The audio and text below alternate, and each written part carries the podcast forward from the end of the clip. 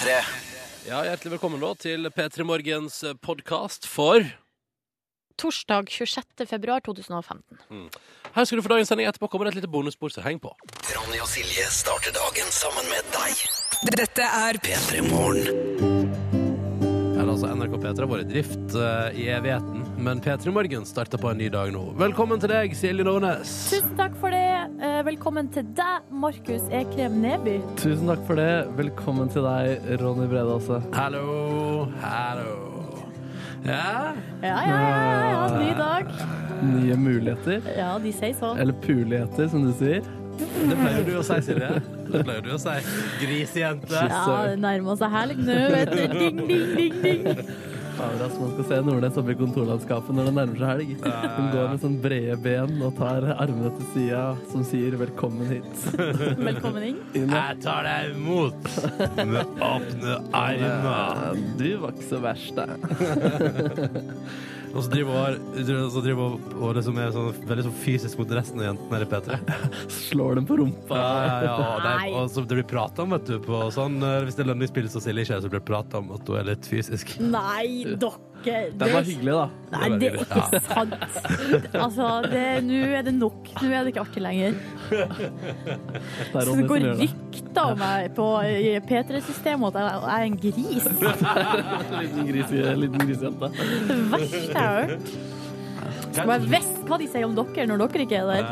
Ja. Markus er så hyggelig og søt, sier de. Ja. Ja, han er som en liten gutt. Sånn en bitte liten gutt. Det hadde bare vært hyggelig om jeg hadde klippet folk i rumpa, sånn som du driver med. på en måte. Ja, for han kan ikke noe for det, for han er så ung. Han er så liten. Mens det er verre med deg, Ronny, som liksom er P3s eh, mest kjente fjes. Som går rundt og forsyner deg av alle de nye praktikantene. For å si det mer Tenk hvor trist det hadde vært hvis det var sant. Men det er sikkert eh, sant på mange arbeidsplasser, da, tror du ikke det? Tror du det? At det er liksom en, eh, han som har høyest status, eller ansikt utad i hvert fall, er liksom forsyner seg. Jeg håper ikke det er sånn. Nei. Eh, At vi er toneangivende her hos oss, der det ikke er et problem med sånne ting. Ingen sånne problem. Nei. Eller, eller hvordan problem. var det noe sånn når du var praktikant, eh, Markus? Hadde jeg følt at dere da Nei, at, no at noen forsynte seg? hmm. Nei. Nei, Nei, det var tydeligvis ikke det. var det. det ja, det er jo Det var utrolig trist hvis det kom en sånn, så kjip innrømmelse nå. Ja, kjip, Mener han høyt oppe i NRK-systemet. Uff a meg. Ja, Dan Børge Akerø. Å nei! Men Dan Børge Akerø har vært hyggelig mot deg, da? Han har vært kjempehyggelig mot meg. Ja. Han er jo en utrolig hyggelig mann med mange gode historier på lager. ja, det er det ingen tvil om. Det skal ikke handle om han. Eh, Men det skal handle om Thomas Giertsen litt senere, for han har vært gjest i dag. Fader, jeg har planlagt masse greier med Dan Børge Akerø. Får jeg ikke plass til det da? Nei, det må vi dessverre ta en annen dag. det blir en annen dag, ja. Men vi skal få plass til en annen dag, eh, Markus. Noe annet vi vil nevne om dagen i dag? Alt Det er jo Ronnys husfarskole! Ja, ja. Jeg skal gå ut på ski med alpinverdensmester Tom Stiansen, som var programleder for 71 grader nord. Du skal stå på skia? Jeg skal gå på langrenn sammen med han. Ja. Ja. Nei, men det er greit. Vi gleder oss til det. Det blir litt senere i uh, sendinga. Velkommen skal du være til radioprogrammet P3 Morgen. Hvis du der ute har noe på hjertet, så er det hjertelig velkommen til å bidra.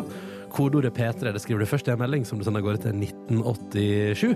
Og så skal vi nå spille musikk fra uh, Arif og Magnus Eliassen og låta som heter Kanke gi opp. Velkommen til oss. God morgen, god torsdag. Det er prefredag. det er gode muligheter for at helga er anmarsj rett rundt hjørnet, og dette er P3 Morgen. Silje Nordnes, du er til stades. Det stemmer, det er jeg. Um, og jeg føler at jeg er um, klar for denne torsdagen. Det ser ut som at folk i innboksen er òg, altså. Uh, her skriver Jon Håkon har vært sykemeldt siden 1. desember pga. ulykke, og i dag er første arbeidsdag. Hey! Han har savna oss. Vi har savna dere Nei, hvordan blir det? her? Deg òg. Har savna dere, skriver han. Vi har savna deg òg. Ja. Eh, Jon velko Håkon. velkommen tilbake, Jon Håkon. Hyggelig å ha deg med igjen i gjenget tilbake i hverdagen. Eh, og vi skal prøve å gjøre denne returen til hverdagslivet så bra som mulig. Mm. Ja. Så er bonden Svein her, han ser egentlig litt i Eller i likhet med deg, Ronny, fram til helga. Ja. Det er liksom helga som er det store målet. Her står Ja. det litt forkjøla og snufsete i fjøset på morgenkvisten. Men er klar for Sverigetur med snøscooterkjøring i oh. helga. Det blir bra. Og det, han skal ut på et lite vintereventyr i nabolandet. Kanskje jeg skal bort til Falun der og cruise rundt eh, VM-løypene. Ja, kanskje det. Bivåne femmila. Uh, se hvordan det blir. Det blir spennende å se om føret er godt nok, om løypene er for vassende, eller om det er andre ting man skylder på. Når det kanskje da heller ikke går veien. Å yes, det stemmer. Et samfunnskritisk spark der til landslaget og dekninga av det. Boom! Ja, altså, fordi um, gårsdagens ja. fadese på herre... Ja, vi fikk jo bronse, da. Ja, vet du, det er ikke noe fadese når man får bronse, fordi Nei. at uh, så lenge én tar medalje, så er det good enough for me. Men eh, svak innsats fra resten er vel eh, tingen der. Eller egentlig så var det ikke så svak, for det var fire nordmenn på topp ni. Nei, topp ni. Ja, OK, da, greit. Da trekker Men jeg det alt var jeg sa. én mann eh, som eh, kom på 62.-plass av 67, eller hva det var. Fy fader, Petter Northug koser seg, og han var ute på tur. Ja, men han ga jo opp. Det Stoppa så for man en jo. Kvikk Lunsj i skogen og bare hadde det helt konge. Ja. Han, jeg så han Helner eh, kritiserte løypene, da. Ja, det var, fl- det var flere av de norske som gjorde det òg, altså. Ja, ja. Eh, men Northug var vel den eneste som ikke gjorde det i går. Nei, Han bare bestemte seg for at Men jeg, jo, jeg ser jo poenget, da. Hvis du ser ganske kjapt at her har ikke du nubbesjans, Ja. så da er det ikke vits å yte maks. Er å spare seg og ta seg en liten rusletur. Ja, men da er jeg litt sånn overraska over at han fullfører. Altså, jeg tenker at eh, Altså, fullfør og kommer inn liksom på nummer 62. Men det er jo det eneste jeg lærer i reality-serier jeg ser på, Silje. Det viktigste er å fullføre. For du kan ikke være en som ga opp og reiste Ja, hjem ok. igjen. Nei, OK. Ja, Nei, man kan ikke være en av de nei, som gir seg. Nei, det går ikke. P3. Sju minutter over halv sju med musikk fra Røyksopp på NRK P3. I Had This Thing etter låta som du har hørt i P3 Morgen med meg som heter Ronny, hallo, hallo.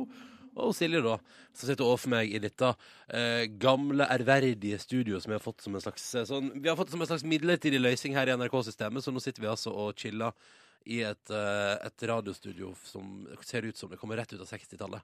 Og som, fun fact, ligger vegg i vegg med åstaden der mulla Krekar i går ble dypne intervjua av Dagsrevyen. Hvis du så på, eh, det var altså altså jeg vil si, ti skritt fra akkurat der jeg og Silje sitter nå. Ja, eh, og det, i går da jeg så det på Dagsrevyen, så fikk jeg sånn her «Hå! Det er jo rett attmed der vi var i går Ja. òg! Eh, og så begynte jeg å lure på når det intervjuet hadde blitt gjort. For Se for deg at man liksom er på jobb, og så bare skal man på do, eller sånn Ja, ja, ja. tusler gjennom gangen, og så bare plutselig sitter mulla Krekar der. Ja, ikke sant? Rett Nei. eh, uti der, og da lurer man jo på Kanskje mulla Kaffen Krekar, kanskje mulla Krekar brukte samme herretoalett i går som jeg brukte altså for eh, fem minutter siden. Mm. Kanskje mulla Krekar Altså, det kunne jo vært interessant å gå ut og på en måte prøve sitte i stolen mulla Krekar brukte i går. Nei, det får nå være måte på. Hvorfor det? Det er kjempegøy! Fordi det er stas, da, Jeg skal bort og sitte på mulla Krekar-stolen etterpå. Som den jo blitt omdøpt til i NRK-systemet nå. Uh, mulla Krekar, Krekar-stolen. Det er heller man må, heller må man uh, sette den stolen eh, holdt på å si, bort. Ikke bruke den mer. Hvorfor det? Det er fordi jeg liker ikke mulla Krekar. Det må være lov å si. Oh, ja, så du skal, du brenne møblene han har brukt, da, eller? Nei, kanskje ikke så kraftig, men jeg syns ikke man skal gå og drive og sette seg der borte som, som om det er noe stas heller. Altså, mulla Krekar har jo bare benytta seg av ytringsfriheten sin. Nei, seriøst! Det, jo, jo, det har han jo gjort. Men i går så tenkte jeg I går da jeg så på Dagsrevyen, så fikk jeg for første gang øynene opp for hvor klin kokos den mannen er. Fordi at for Jeg har liksom ikke Altså, Man har jo fulgt med som alle andre, tenker jeg, på hva han har sagt og gjort, og det er noe rikets sikkerhet og trua på livet osv., osv., men liksom aldri tatt det på en måte inn. Og i går, når han sitter der, og så er det sånn Ja, eh, mener du at eh, folk som kjenner Koranen må dø? Ja, det syns han. Ja, ja. Eh, men, men, det, men skal du gjøre det? Nei. Men hvis noen gjør det, blir du glad da? Å ja, ja, ja, ja, ja, ja. Da blir jeg kjempe Da skal jeg sende gave i posten til den som gjør det. Kanskje jeg sender av gårde en stol, da? En ny, nye, den nye Krekar-serien. Gud, for en fyr! Stille liten Krekar-chair. Ja, nei.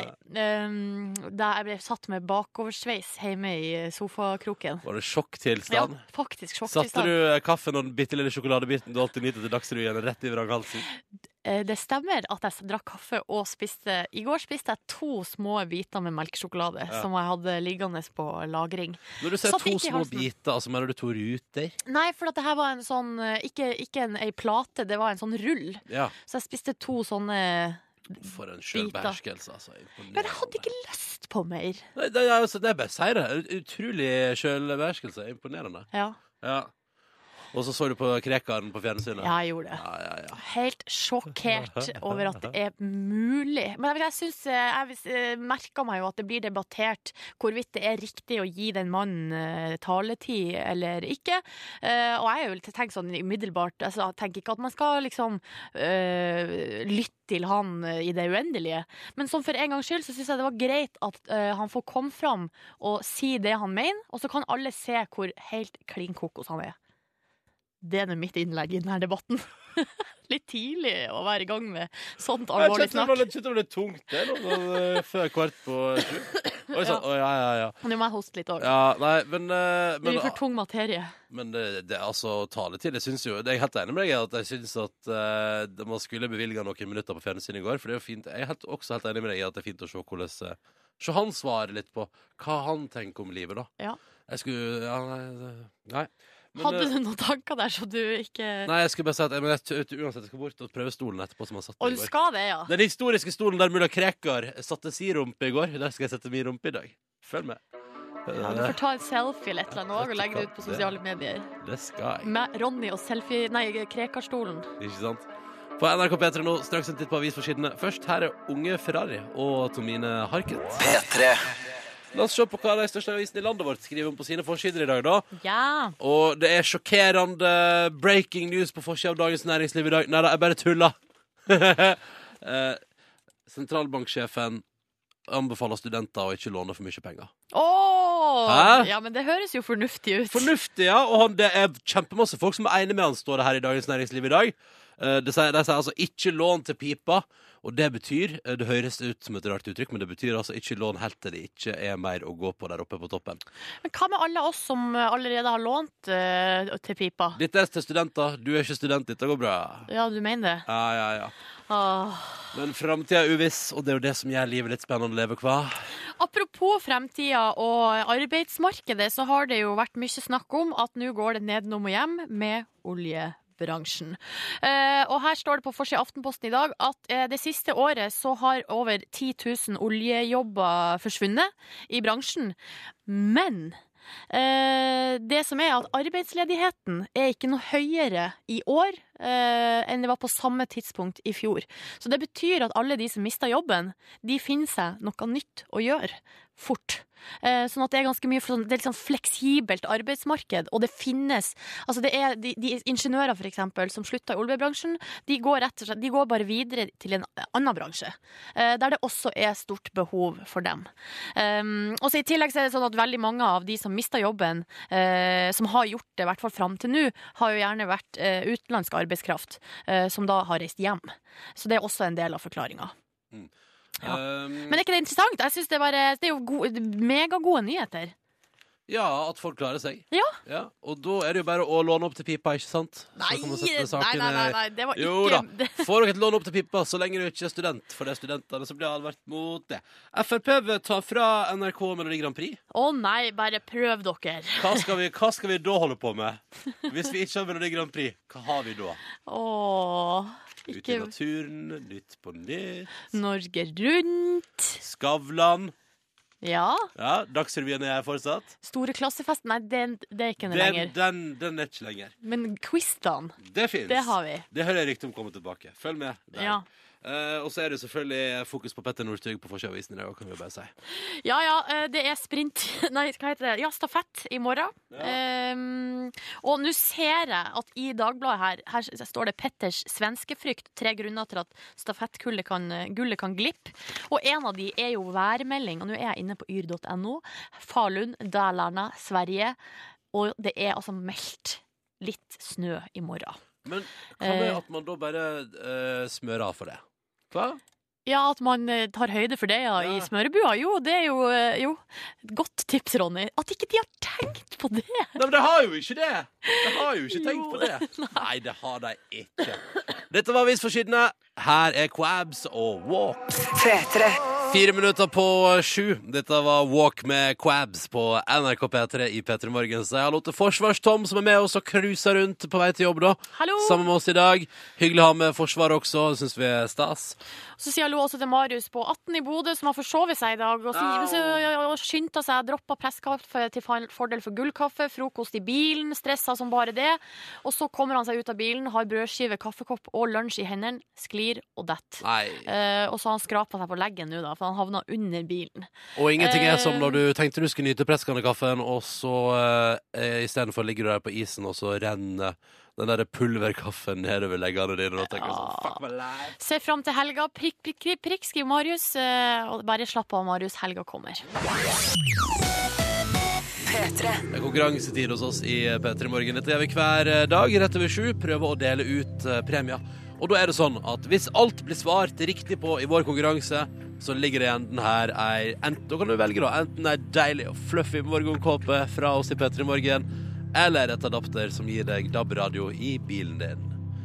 Oh yes. Ja, det er såpass gode premier at det er vanskelig å velge eh, mellom de to første premiene. Kanskje nesten vanskeligere å velge premie enn å besvare våre spørsmål. Vi får se. Først velkommen, Kjell Ove. God dag, god dag. Hei, hei. Da er vi altså direkte inne fra Trøndelag, nærmere bestemt Ja. Trondheim, der du er student og 20 år gammel. Kan du gi oss en oppdatering på hvordan det står til i Trondheim i dag? Eh, jeg har ikke sett så mye ut akkurat. Det ser ut til at det er greit vær. Jeg ligger i senga fortsatt. Og du gjør det, ja? Da er Ja, vi ja. jo altså inne på akkurat samme som i går. I går hadde vi også med oss deltaker som lå i senga. Og da spør jeg deg, eh, Kjell Ove, vi har to spørsmål, to ting vi er interessert i her i P3 Morgen. Ja. Eh, Det ene er jo ikke minst Eller først, hva, hva har du på deg når du ligger i senga di? Altså, hva, hvor masse bekledning har du nattestid? Nei, jeg har på meg bare bokser. Ja, det, men, du, men du har på bokser? Ja, ja. Ja. Spørsmål to, da, som Silje alltid er nysgjerrig på. Uh, og det er hvordan sengetøy har du? Uh... Hvordan ser det ut, liksom? uh, det er akkurat nå er det noe som er hvitt, og så er det noen sånne lilla striper på den. Nydelig, nydelig. Kjell Ove, hva skal du i dag når du nå endelig kommer deg opp av senga? Jeg kan først bare hete deg Kjell Robin. Oi, sorry! Kjell. Robin. Å, herregud. Altså, vi, vi kan ikke Null folk på feil poeng navn. til oss her. Sorry. Men Men uh, Hva skal du i dag, ja? videre, dag eh, jobber i studentavisa, så jeg skal skrive sak eh, fra NTNU Og det var noen studenter på en kjemilab som måtte til eh, sykehus på tirsdag. Jøss. Det var to stykker som hadde besvimt på ja. sånn eh, labøvelse. hva var det der, hva som hadde gjort at de besvimte, da? Nei, Det er jo det vi skal prøve å finne ut litt Aha. eh, av. da. Det vet ikke så mye, det. Men eh, Så da det var skal du eh, under dusken og grave. Ja, ja. Ja. Men du, eh, Kjell Robin, det, så det høres ut som en spennende dag i Studentavisa. Velkommen til konkurransen vår. Velkommen også til Gisle. God morgen, Ronny og Silje, og god morgen, Norge. God Hallo! Ja, Jaså, vi skal rett til Øystese. Eh, du er 25 år gammel, men spørsmålet er Er Gisle riktig navn? Gisle er riktig. Det er helt, Yes! jeg, du må ikke stille spørsmålstegn med det. Nei, nei, nei, Har du et ekstra navn eller et mellomnavn eller et eller annet i tillegg? Jeg har ikke et ekstra navn, men jeg har en tvilling, tvillingbror som heter Gaute. Så det Nei! er Gisle og Gaute. Jo, det er sant, Silje. Er det, er det sant? Det er Åh, hadde bare en av dere vært jente, så kunne de kalt dere for Gaute og Gullit. Ai, ai, ai, ja, det er sant, Ronny. Det har Ja. tenkt på det mange Ja. ganger. Ja, det gjør du. Men hva gjør du akkurat nå? Nett nå sitter jeg eh, i metropolen i Hardanger, i Olvik, med noen eh, arbeidskollegaer og venter på å gjøre ferdig konkurransen, sånn jeg kan gå hjem og legge meg. Å ja, ja. nattevakt, eh, dude. Jeg har jobba natt i natt. Men så Nattevakt-dude. Nattevakt, dude. OK, men da skal vi bare få gjort unna konkurransen, så du kan komme deg hjem igjen. Oh yes, Ja, vi er i gang. ja. Ja. Mm, Ja, ja, ja. mm, mm, mm, mm. Eh, og da er det jo da altså aller først et spørsmål og som da går til Kjell Robin direkte fra senga si i Trondheim. Er du klar? Jeg er klar, vet du. Ja. Vi lurer på hva Stavanger-artisten heter, som var frontfigur i The September When, og eh, altså Pelts, hvis man husker det. Og som mottok, mottok hederspris på Spellemann i år. Eh, ja, da var det hederspris som gjorde at jeg veit hvem det er, da. Men Er det, det var sant? Eh, Morten Abel. Det kan jo fort hende at er fullstendig riktig. Ja, for du, Visste du ikke hvem Morten Abel var før Spellemannprisen? Jo, jo. Men uh, det første der, det hadde jeg ikke hørt. September when? Skal jeg være, skal jeg være helt ærlig. Han Har kjørt låta Bullet me, bullet me, take the full responsibility? Og det er de som har den, ja. Ja, ja, ja. ja. Jeg har jo selvfølgelig hørt om Morten Abel. Herregud. Ja, OK, OK. ok, ok. Nei, men bare altså. lurer, altså, du er jo en ung fyr, Kjell Robin, så det må være lov å spørre. Ja, men det er bra. Det er bra jeg får litt støtte. Ja. Du har svart riktig på ditt spørsmål. Ferdig med din innsats i eh, konkurransen. Men da er det jo sånn i konkurransen vår at vi er avhengig av at alle svarer riktig for å komme i mål. Så det betyr, Gisle, at nå er det du. Jeg er klar. Så bra. Per Nille Sørensen tar altså over i Nytt på Nytt i morgen etter Ingrid Gjessing Linhavet.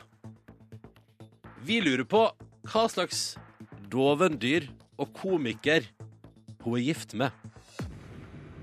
Ah, hun, Pernille Sørensen er gift med han eh, bergenske komikeren. og Men hva heter denne bergenske komikeren?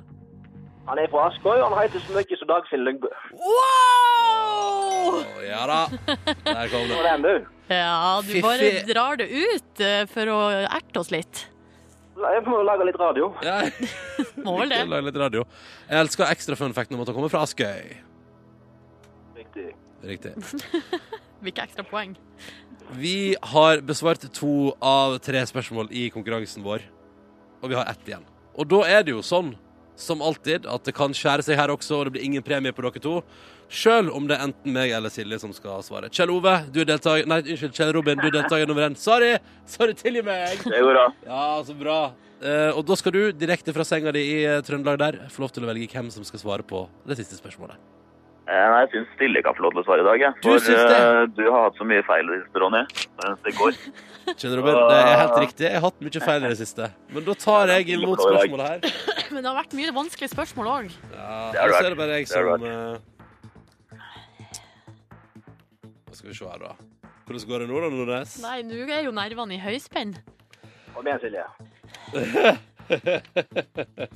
Ikke flir. Det er ikke noe artig. Dette er et interessant spørsmål. Vi skal til Oscars.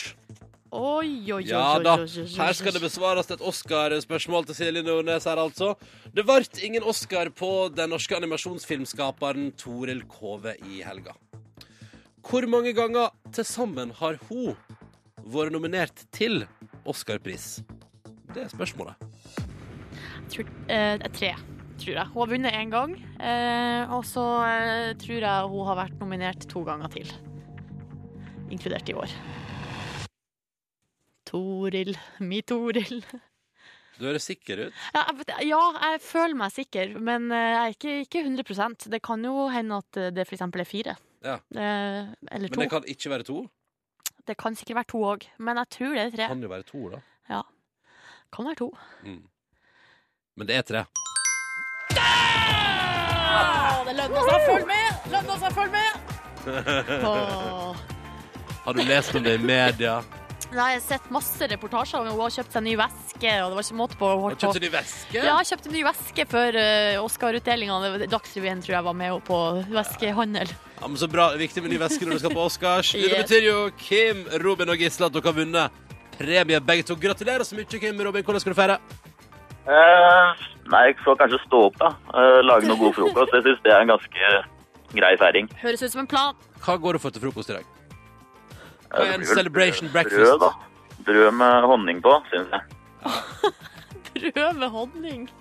Ja, Er ikke det et konge, da? Ja. Kjenner du ønsker deg lykke til med uh, brød med honning. Gisle, hvordan skal du det feires i dag? Jeg skal feire med å spille Fifa med en kamerat etter jeg har stått opp ifra min eh, søvn Når tenker, tenker du at du kommer til å stå opp i dag? Klokka tre. Klokka tre, ja. ja. Klokka tre. Sånn at, sånn at jeg får, litt, får bruke litt av dagen. Og så vil jeg takke Ronny og Silje for at jeg fikk lov å sette mitt preg på riksdekkende radio. Du, bare hyggelig. hyggelig, du. Ha det bra, dere to!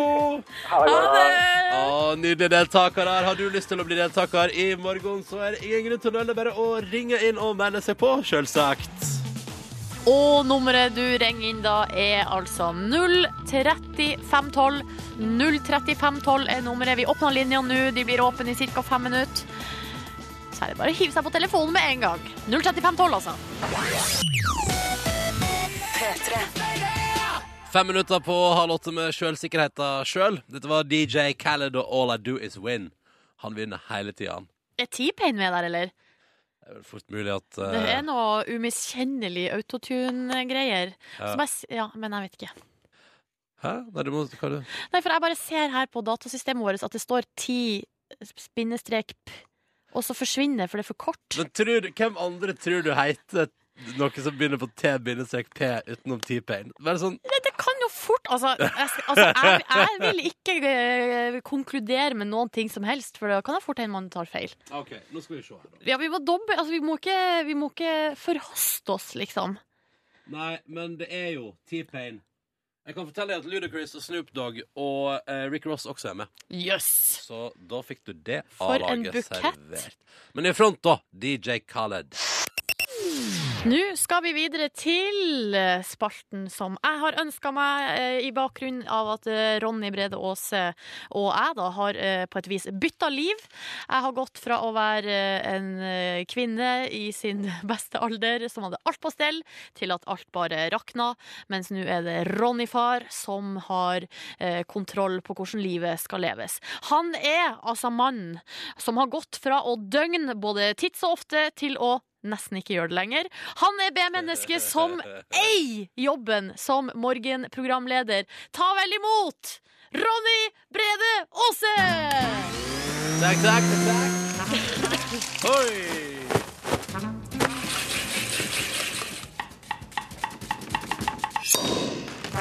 Ja, velkommen til en ny utgave av denne husfarskolen. Eh, I dag handler det også litt om å ikke mestre på et vis. Men det å ta seg sjøl i det, kjenne på at ja, her må det takes eh, grep. Det skal handle om det å kjenne på når du bør ta ei opprydding i skapet. I klesskapet ditt, rett og slett. Og det er, jeg tenkte jeg skulle gjøre en liten punktliste over ting som alle sammen er helt eh, accurate, for å bruke et godt eh, norsk uttrykk, fra eget liv. Silje Nordnes, man vet at man eh, bør rydde i skapet sitt og eh, kaste litt klær. Når du fortsatt kjenner igjen sokker du har liggende, som du kjøpte på tur til London i 2007 Nei, Eier du så gamle sokker? nei. Nei, du gjør ikke det, nei. Nei, det gjør nei, jeg Man tar ikke vare på det til evig tid, altså?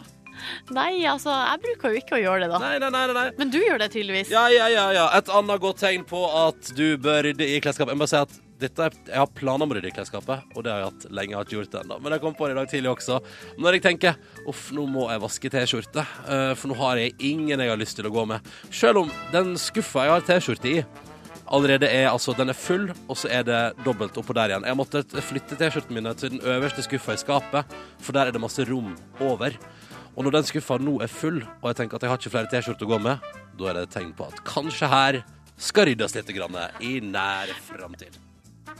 Nei, men har ikke du nettopp Du har jo nettopp flytta, Ronny, og du har snakka om at du har kasta søppelsekkevis Tenk deg hvordan det var før, da. Ja, det Silje, er det nok et tegn på at man bør rydde i eget klesskap? Vet du hva det er? Nei. Det er når du er på reunion med gjengen du studerte med i 2005 i Halden, og så ser man på eh, masse gamle bilder som bare ruller over skjermen mens man spiser tacos. Og så blir det bemerka fra noen i rommet etter hvert. Ronny har på seg samme hettegenseren på nesten alle bilder fra det året der. Og så går det et par minutter, og så er det utrolig gøy når noen merker at Du har på deg den samme hettegenseren på reunion også! Og det er ubevisst. Da veit du at det er fare på ferde, og her må det ryddes i klesskapet. Du vet at du bør rydde i klesskapet ditt når du har flere bukser som er helt opprevna på baksida fordi du har trakka dem i stykker og liksom, ja, på den måten slitt dem. Men så tenker du «Nei, Ingen slag at du henger og slenger litt eh, tøy ut bak der. Det går bra. Jo da, man gjør det. Og man gjør det, ja. Ja. Eh, og så syns jeg at jeg eh, kanskje også bør rydde i klesskapet. Når jeg har hatt opptelling og funnet ut at jeg har 20 håndklær og 8 dynetrekk i min lille 33 kvadrats leilighet. Dette her er ting, Nå kan du gå i deg sjøl og kjenne på om du kjære lytter, føler på akkurat de samme tingene som meg. I så fall må du, i likhet med meg, sporenstreks ta deg sammen og rydde skapet. Det jo, ja, du må kanskje det. det jo, men det er jo også et tegn på overflod, at du har det godt. Ja, jeg har det så fint. Vet du hvor mange dynetrekk jeg har? Nei. To. Eh, ja, men da ligger vel du mer på normalen, tror jeg. Ja, jeg, jeg vet ikke. Kanskje jeg har litt lite igjen. Jeg burde kanskje kjøpe noen flere. Du har ett som du kan vaske, og så har du ett du kan bruke. Ja, det stemmer. Ja, Da er vel alt greit, og er ikke det det? Men det var en periode jeg bare hadde ett laken, og da, det var et problem. Ja, For det ble så innsaus etter hvert. Nei, Ronny! Tusen takk for at du hørte på Ronnys husfarskole i dag. Så du har altså ingen sokker fra 2007? Nei, jeg har ikke det, altså. Nei, Det er bare meg, det, da. Ja, det er nok bare du. Nei, men Når skal du rydde i klesskapet, da? Nei I påska. Ja, men det her syns jeg var gode tips, Ja, ja, ja, ja. Ronny, til alle der ute som sliter med å finne ut når de skal rydde i skapet. Ikke sant? Ja. Og så tar vi med oss litt fin musikk i tillegg. Da burde jo dette bli en helt topp eh, torsdag. Keisers Orkestra på NRK P3. Dette var Maestro. Eh, Og vi sier her i P3 Morgen, jeg som heter Ronny og Silje Nordnes, hjertelig velkommen til oss, Thomas Gjertsen. Du, tusen takk. Velkommen hit!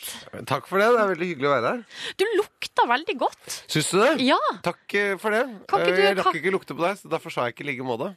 Nei, det- det går bra. Men hva er det du går for på herreduftfronten? Nei, jeg går ikke for noe duft, nei. Oh, ja, det Jeg bare vasker meg. Oh, men, Ja. men tar, tar du avstand fra duft? Nei, men jeg vil ikke ha det på meg. Men, men er, det, er, altså, er, det, er det allergiske reaksjoner mot parfymering, eller? Nei men, nei, men jeg vil jo ikke ha det. Er jo, det er jo et eller annet dritt i det, så jeg vil ikke ha det på meg. Så jeg bare, jeg bare vasker meg. Å, så du er i opposisjon mot parfymeindustrien? Jeg er ikke i opposisjon.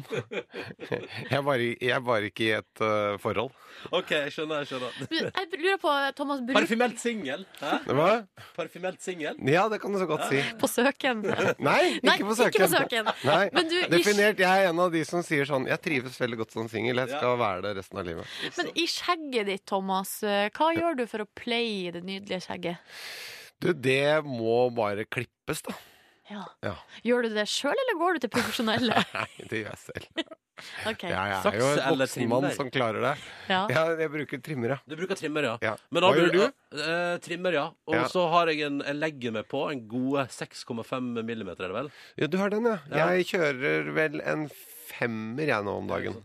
Men, eh, men er du så nøye? Altså må du Fordi jeg merker at jeg henger meg opp i en slags Altså det er noe Det må være desimalnøyaktighet i det. Ja, ja, Har, ja, absolutt. ja, du- OK, du har det samme der, ja. Ja, selvfølgelig. Ja. Også, men så må under, under her på halsen, der, der må jeg ta bort det, så ikke Det, det blir for liksom Ja, for det er litt sånn professorlook å ha veldig mye skjegg liksom nede på halsen. Ja. Og så har, har jeg hår her på brystet, og det må ikke Det må liksom være en slags glippe der. Det kan ikke bare gå i ett. Du må ta et valg og si 'her slutter skjegget', så er det en pause, og så kommer det nytt hår her. Nytt hår ja, på Ja. brøstet. Ja. Ja, men det er bra. Det var bra vi fikk klarhet i det. Ja, og det er viktig også i nakken. Prøv å ta de hårene man har der.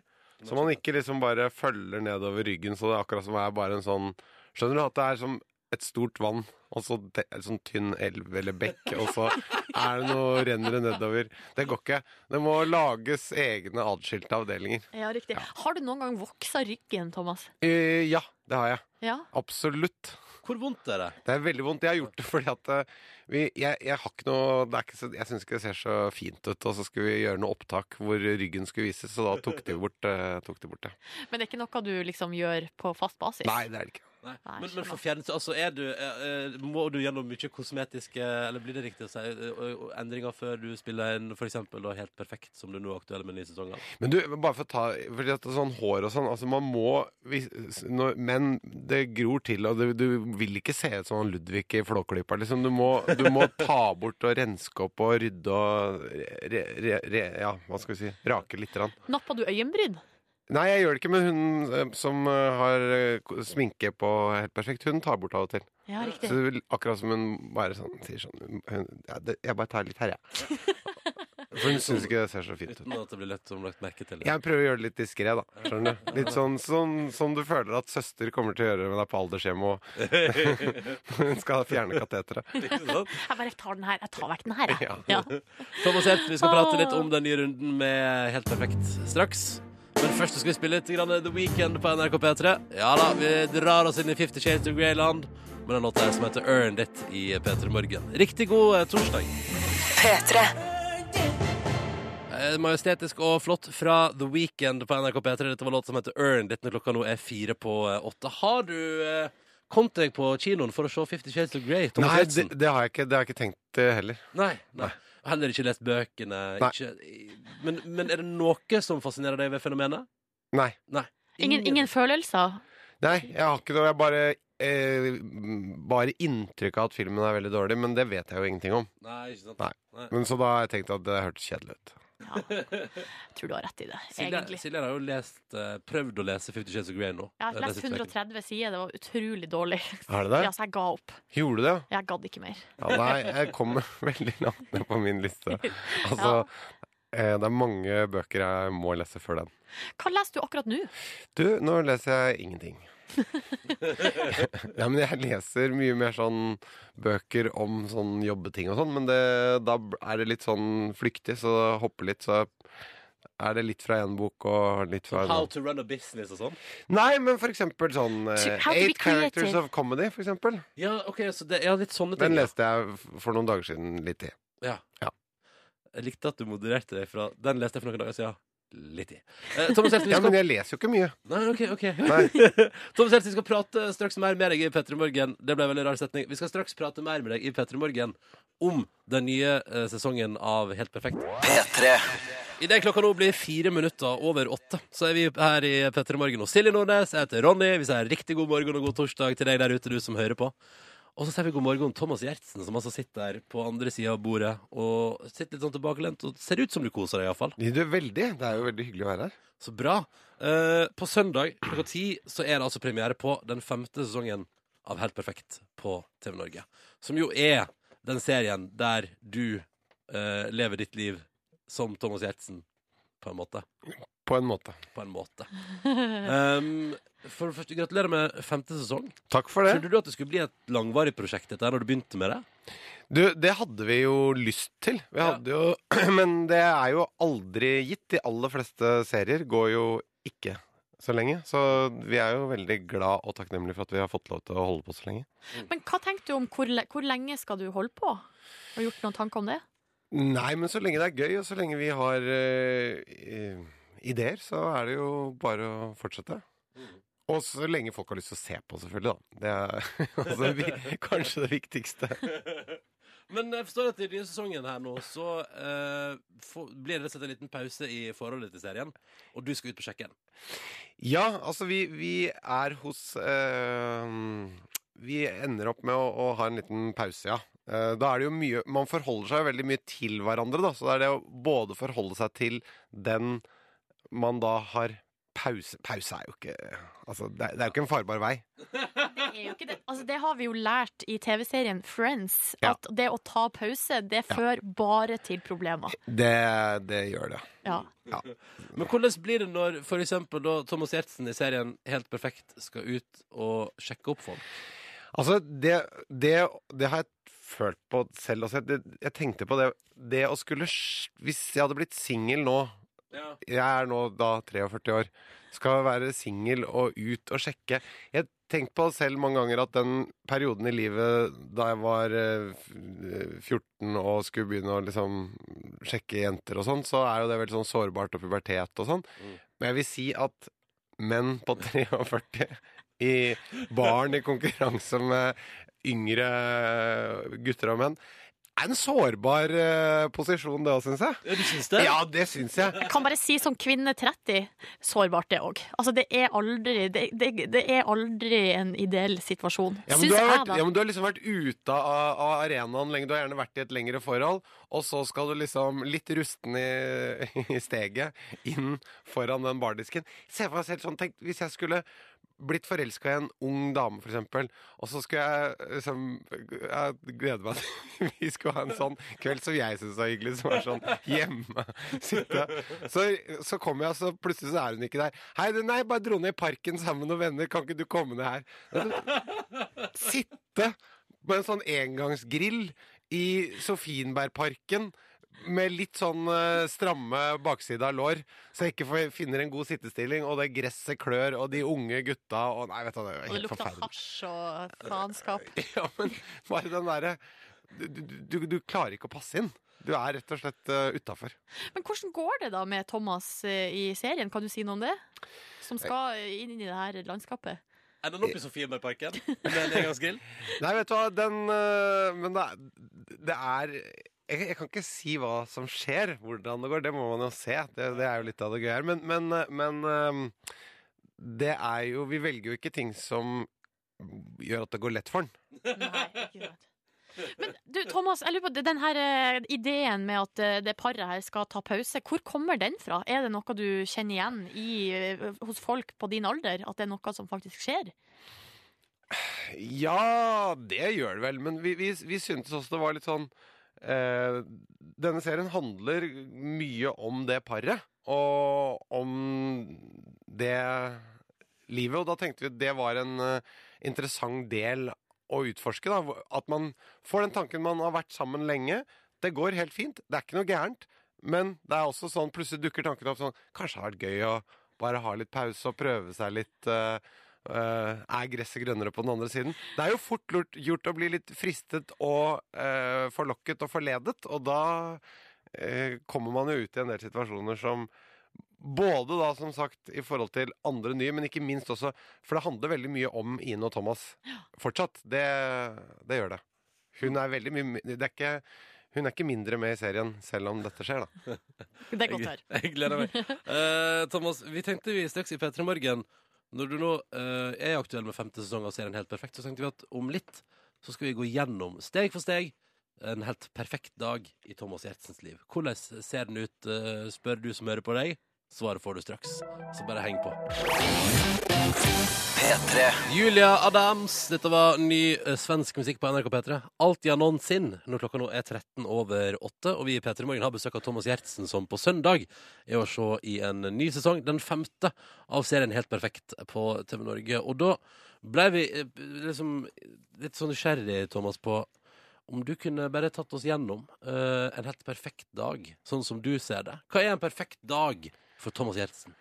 Du, en helt perfekt dag for meg er jo en som alle andre dag, for jeg er rutinemenneske, så jeg er veldig glad hvis jeg får bare Hvis ikke noen av de rutinene jeg har, blir ødelagt. Ja, men er du, altså, er du så rutinemenneske som du vil ha det til? Ja, ja. Ok, hvor, Når er det du står opp? Jeg står opp halv åtte. Hver dag. Ja, eller det vil si fem over halv åtte. Ok. Hva, hva spiser, spiser du det samme til frokost hver dag? Ja, Og det er det er havregrøt og eh, en del grønnsaker og frukt som jeg kjører i en sånn blender. Oh, ja. En stor dunk med det. To skjeer omega-3 og eh, to store glass vann og en kopp kaffe. Men kan jeg spørre deg om ting, da? Fordi det betyr at hvis du nå skal skissere opp en helt perfekt dag, så vil du ikke ha noe endring i frokosten. Nei, nei, nei. Nei. Så nå Ikke har jeg tatt en pause fra den frokosten. For vanligvis sitter jeg og spiser den. Ja, nå er det jo til og med Nå er det nesten ferdig. Ja.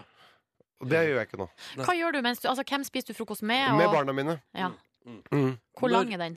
Den er i- ja, bortimot en halvtime, da. Når reiser du til jobb? Eh, fem over halv ni, ideelt sett. Men du jobber helst på en perfekt dag? Ja, ja. Ja. ok. Men jeg kjører de innom barnehagen, og så kjører jeg opp eh, på jobben. Så kommer jeg inn der. Da går jeg fort inn på kontoret mitt, legger fra meg jakka, tar av meg skjerfet. Eh, legger fra meg den eh, eh, PC-en min. Og så går jeg ut og henter Da har vi to kaffemaskiner. En sånn automat og en kanne med filterkaffe. Jeg tar den med filterkaffe, for jeg vil ikke ha det der kaffefettet og tette blodårene. Mm. Så derfor så vil jeg ha filterkaffen. Så tar jeg den, og så prater jeg med noen av de jeg jobber sammen med. Og dette er òg rutine. At Ja. den praten Hva gjør du hvis du kommer en dag, og så er det ingen ved kaffeautomaten? da setter jeg meg med, da setter jeg meg med Mac-en og jobber litt, og det er ganske fint. Ok, Nettopp. Ja. Hva skjer hvis uh, kanna med filterkaffe er tom eller ikke er der? Ja, eller? det blir rusk i maskinen. Det er jeg ikke noe glad i. Kan du finne på å skjelle ut folk på jobb? Hvis Nei, du- Nei, det kan ikke, men jeg blir litt sånn Hvor er den uh, Ja, okay. Nå må noen Og så kan ikke jeg den, så da må noen hjelpe meg. At den derre den der kanna, og det er noe sånn maskin eh, Den er sånn Det er sånn profesjonell installasjon, det er ikke en vanlig sånn som vi har hjemme. Ok, men hvordan ser, altså eh, Etter du er ferdig med morgenkaffen og praten med kolleger, hvordan ser en helt perfekt arbeidsdag ut? Ja, da er det enten eh, møte med manus eh, manusgruppa. Så har vi manusmøte, eh, hvor vi da gjerne leser et utkast, og så eh, diskuterer vi eh, hva som skal gjøres og endres Mm. i det. Eh, så da går vi gjennom tre manus ofte. Eller vi har eh, Vi diskuterer også nye ideer. Mm. Eh, så er det lunsj. Veldig god lunsj på jobben. Ok, Går du for det samme hver dag, eller Ja, hva går du for? mye auberginer. De har bakte auberginer her, syns jeg er veldig godt. Og så er det bønner og uh, kikerter. Uh, og um, Ja, så er det én sånn kjøtt- eller fiskrett. Uh, og så er det litt suppe. Ja, Ja. Til for, forrett, eller er det Ja, dessert? ja, det tar jeg som en liten for- forrett. Ja. Når er den perfekte arbeidsdagen over? Varierer litt hva slags suppe. Fordi hvis den, er veldig, hvis den smaker veldig mye, så tar jeg den til slutt. For da, da, da, da tar den ikke livet av det andre. Av aubergine? Å, Men ja, når tar en perfekt arbeidsdag slutt? Når er den ferdig? Den er ferdig uh, Jeg spiser middag kvart over fem. Så okay. hvis jeg henter i barnehagen, som jeg ganske ofte gjør, Mm. så uh, slutter den uh, fem over halv fem. Da rekker jeg akkurat ned til barnehagen. Er Ti på fem. er du alltid den siste forelderen som kommer Ikke den siste, men eh, ganske mot slutten. Og jeg har ikke noe forfengelighet på det. Den barnehagetiden, det er ikke om å gjøre hente først. Det er om å gjøre hente innenfor den barnehagetiden som er satt sant. opp. Det er okay. veldig sant. Så det er middag kvart over fem, Ja. og så Hva skjer så? Så er det, da er det litt barne-TV og litt styr inn i stua. Så eh, ideelt sett, da. Mandager det er den mest perfekte, for at da, skal, da går sønnen min på skikurs, så da tar jeg med han opp på Sognsvann. Og eh, da går han på skikurs, og da går jeg meg en tur på ski mens han er på det skikurset. Så drar vi hjem igjen, og så er det legging. Og hva skjer etter legging? Etter legging så kan jeg for eksempel enten gå en tur.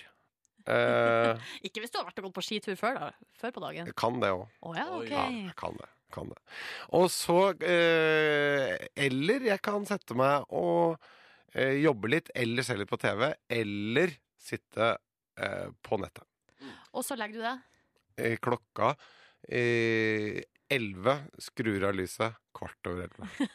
Men, men dette er en perfekt dag i Thomas Hjertsens liv. Ja, altså det, det er noe Det er jo ikke noe liv, på en måte. Altså det, er, det er jo et hamsterhjul, da, men, men det er jo Vet du hva, jeg elsker rutiner. Ja. så det, hvis det går utenom, hvis det liksom noe blir annerledes, det, det liker jeg ikke. Det at det er likt, likt, likt, likt. Men hva med ferie, da? Ja, Hva syns du om ferie? ja det er ålreit. Det, Ja, men det er greit som en rutiner. avveksling, som det det er. Som ferie. Der blir det enda rutine. Opp klokka ti. Jeg vil ha den samme frokosten, ja. Ja, okay. ja, Ja, det, det må jeg ha. Jeg føler at vi har blitt litt bedre kjent med deg, Thomas Giertsen. Takk for det. Eh, Vi ønsker deg lykke til med en ny sesong Helt perfekt. Uh, Og selvfølgelig den deilige Forhåpentligvis da kommer du nå ut av Peter Morgen og inn i rutinen igjen. Jeg skal tilbake og spole det litt grann klokka tilbake og ta den frokosten nå. Å, vakkert. Tusen takk for at du kom på besøk. Du, Tusen takk for at dere ville ha meg her. Så hyggelig. P3. Dette der var jo årets Urørt 2015. Det var Christian Christensen på NRK P3 når klokka nå snart er to minutter på halv ni. Du hørte Lyset. Og så hadde vi jo i Peter Morgen, før vi spilte Lyset og før vi spilte Galantis med Runaway You and I, hadde vi besøk av Thomas Gjertsen, som prata om hvor utrolig rutinebasert han er. Og så på vei ut når han skal gå, så sier jo du, Silje, jeg er akkurat sånn. ja. At du er jo, du elsker rutiner. Og nå må jeg bare spørre, da. Silje Nordnes. Angsten har ligget der i ukevis. I går hadde du første arbeidsdag med ny pult på kontoret. Du syntes det var skremmende i forkant, men hvor digg var det egentlig å få seg ny pult? Jeg syns det var ikke noe spesielt digg. Det var helt sånn passe. Mener du det? Ja, ja. Eh, du, og, du var jo helt ifra deg av begeistring. Eh, ja. Og drev og styra med hev-senke-funksjonen. Men jeg, sjøl var jeg litt sånn avmålt i min begeistring. Men du ble litt cocky der på et tidspunkt, fordi Markus har ikke fått eh, hev-senk, faktisk. Vent da, Har vi han med oss her, forresten? Vent da, skal vi se. Uh, vent da. Markus? Nei, han er ikke den. Han er ikke den. Han er ikke klar ennå. Nei. Hallo? Jo, der er du! Hei! Å hei, det- preppemaskinene kjørte akkurat forbi meg, så jeg Ja. hørte dere ikke. Å ja, nei, men du, fordi du er ute, vi skal ha noe annet etter nyhetene, men det kan vi ta etterpå. Men først bare, hva var det Silje sa til deg da du ble lei deg fordi at jeg hadde fått heve- og senkpult? Silje Ja. hadde fått heve- og senkpult, men du hadde ikke fått det. Nordnes sa om seg selv. Sånn er det å være stjerne.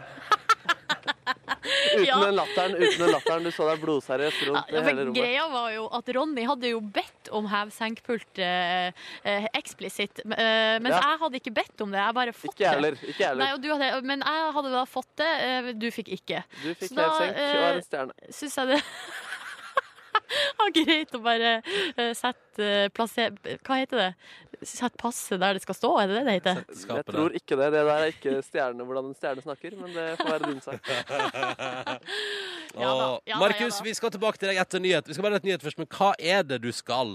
Vi eh, skal møte Tom Stiansen med ski på beina. To menn i naturen om livet. All right. Klar og tydelig beskrivelse. Og preppemaskinen har akkurat kjørt forbi, så løypene er i god stein. De er i god sleid, ass. Ja. P3. Dette er Calvin Harris og Heim på NRK P3, fem minutter over halv ni, og låta som altså da heter Pray to God. Riktig god morgen og god torsdag. Silje Nordnes er her. Og Ronny Brede Aase er også her. Og i tillegg, hvis jeg nå drar i en spake og trykker på en knapp, så har vi med oss direkte fra ute i verden, Markus. Det stemmer. Nei, jeg står nå på et meget tåkebelagt eh, Frognerseteren, Holmenkollen, skibakken, skiløype. Skiresort. Ja, skiløype. Det er liksom, det snør litt, men du ser det på en måte bare de siste én meteren på bakken, på en måte, fordi over det så er det tåke. Skjønner du hva jeg mener? Jeg skjønner hva du mener. Ja, hvert fall. Jeg går nå opp en eh, liten bakke mellom ganske mange trær, og eh, jeg jakter på Tom Stiansen, VM-vinner fra alpint og programleder for 71 grader nord. Norges tøffeste kjendis. Og han står, jeg ser han faktisk eh, foran meg der, han står på en liten bro. Så nå er målet mitt å bare komme seg til ham. Hører dere skiene mine forresten? Jeg Ja, tror dere bare jeg ljuger, at jeg bare er hjemme og drikker kaffe? Nei, jeg hører jo at du er ute i eh, Guds skjønne natur. Ah, ja. Hva har du smurt med i dag på skiene? Jeg smører ikke ski. Det er derfor jeg går på eh, Jeg, går på, jeg skøyter, så jeg- fordi jeg ikke klarer å smøre skiene. Du, OK, nettopp, ja. God strategi. Men har du lagt på noe glider, eller hvordan er strukturen i skien? Bare god motivasjon er den eneste smøringen jeg trenger. Oh, for en fiffig fyr du er. Ja, det stemmer. Fiffig fyr. Og, nå kommer det en trivelig dame med en liten schæferhund forbi. Man pleier å hilse på folk som går forbi. God du, dag. Uh, Hallo. Vi bare hilste og sa hei på forbifarten. Hallo, ja? Markus, eh, altså Tom Stiansen han er jo tidligere alpinist. Ja, det stemmer. så hvorfor dette valget med å møte han i langrennsløypa? Nei, jeg krasjer kanskje litt eh, akkurat det. Men nei, jeg bare synes jeg liker tanken med to menn i naturen, og da har vi tatt på oss skiene. Han er en idrettsmann. Ja, ja, ja. ja. Ja. Og nå, nå er jeg kommet fram til han, og God, Hei, Tom. Hei, hei. Der Har du fått på deg skia? Hva slags ski er det du har gått for i dag? Nei, jeg, har gått, ja, si det. jeg har ikke så veldig mange par langrennsski, men jeg har gått på langrennsskia. Ja, Du har tatt på langrennsskia, ikke sant? Vi skal Spør han har prate. smurt med i dag. Har du smurt med noe i dag? Ja, jeg har smurt med Rode Multigrade, men jeg kjenner at det er helt håpløst. Ja, Håpløst burde gått for blått i dag. Jeg tror jeg burde gått for klister. Ja, ja sjæl. Jeg er det. Eh, men vi skal i hvert fall prate mer med Tom straks. Både om livet, om 71 grader nord og om kanskje litt ski, da. Det er tross alt VM, og han har vunnet VM før, han her. Ja, ja. To menn på ski ute i det fri straks i eh, P3 Morgen. Men aller først musikk fra Abinone. Dette her er Hold Up i P3 Morgen. Som håper at du der ute, du som er i gang med dagen din, har det fint. P3. Ungt norsk talent, Abelone, på NRK P3 servert ut gjennom radioen din en torsdag morgen. Dette var Hold Up, og akkurat nå så sitter jeg og Nordnes her inne i radioen. Hallo? Hallo? Hallo? Sitter her, ikke sant? Men ute i den store verden, med en mikrofon og en radiosender, i ei skiløype, sammen med selveste Tom Stiansen. Mm. Der er du, Markus. Der er jeg. Vi står oppå en VM-bro. Er dette her en VM-bro? Vet du det? Er ikke så god på langrenns-VM, bror, men altså Jo, vet du hva? Eh, VM i 2011, da var jeg rett nede på Hemingseter her nede med ungene og på telttur. Ja. Og da gikk løypa over her. Så det må, her må være VM-brua. Ja, det er VM-brua. Vi står slett, så nå skal vi gå litt Vi må gå litt bortover for å, fordi det er litt spennende. Vi kan gå litt fortere enn de greiene du har gjort foreløpig. Eh, men, men hva føler du når du er ute i, ute i naturen sånn som nå? Nei, Det syns jeg er veldig digg. Men akkurat i dag så er det jo litt sånn typisk Holmenkollen vintervær, hvor det er tåke og klisterføre. Ja, men lar du deg stoppe? Eh, nei, egentlig ikke. Vi er jo her nå. Ja. Men, men sånn, du har vunnet Oi, nå trynet. Eh, Du har jo vunnet uh, VM. Hva, hva, hva tenker du når du ser snø? Nei, Jeg er veldig glad i snø. Eh, og nå etter hvert så har jeg blitt veldig Altså når jeg kjørte aktivt, så var jeg jo veldig glad i hard snø. For Ja. at da var det bra å konkurrere. Nå er jeg veldig glad i veldig mye snø, for nå kjører jeg ski på en litt annen måte. Ja, kunne, hvordan, hvordan er det du kjører nå? Altså, Nei, jeg kjører jo ganske likt, men jeg er glad i å kjøre når det er pudder. Så, og det er jo ganske sjelden, i hvert fall her i, her i området. ja, jeg må bare få på meg hodetelefonene. Du, går, går det bra her? Det er veldig blake, bakla- baklate greier. Eh, men men sånn, hva er ditt beste snørelaterte minne? Nei, det må jo nesten være Selv om det var isete, så må det være når jeg vant VM i, i Sestriere i 1997. Ja, fy fader, det var store greier det der. Ja, det var gøy, det. Tommo ble nummer tre, så det var ekstra stas. Ja, Hvor henger eh, medaljen? Den henger på kjøleskapet på hytta på fjellet.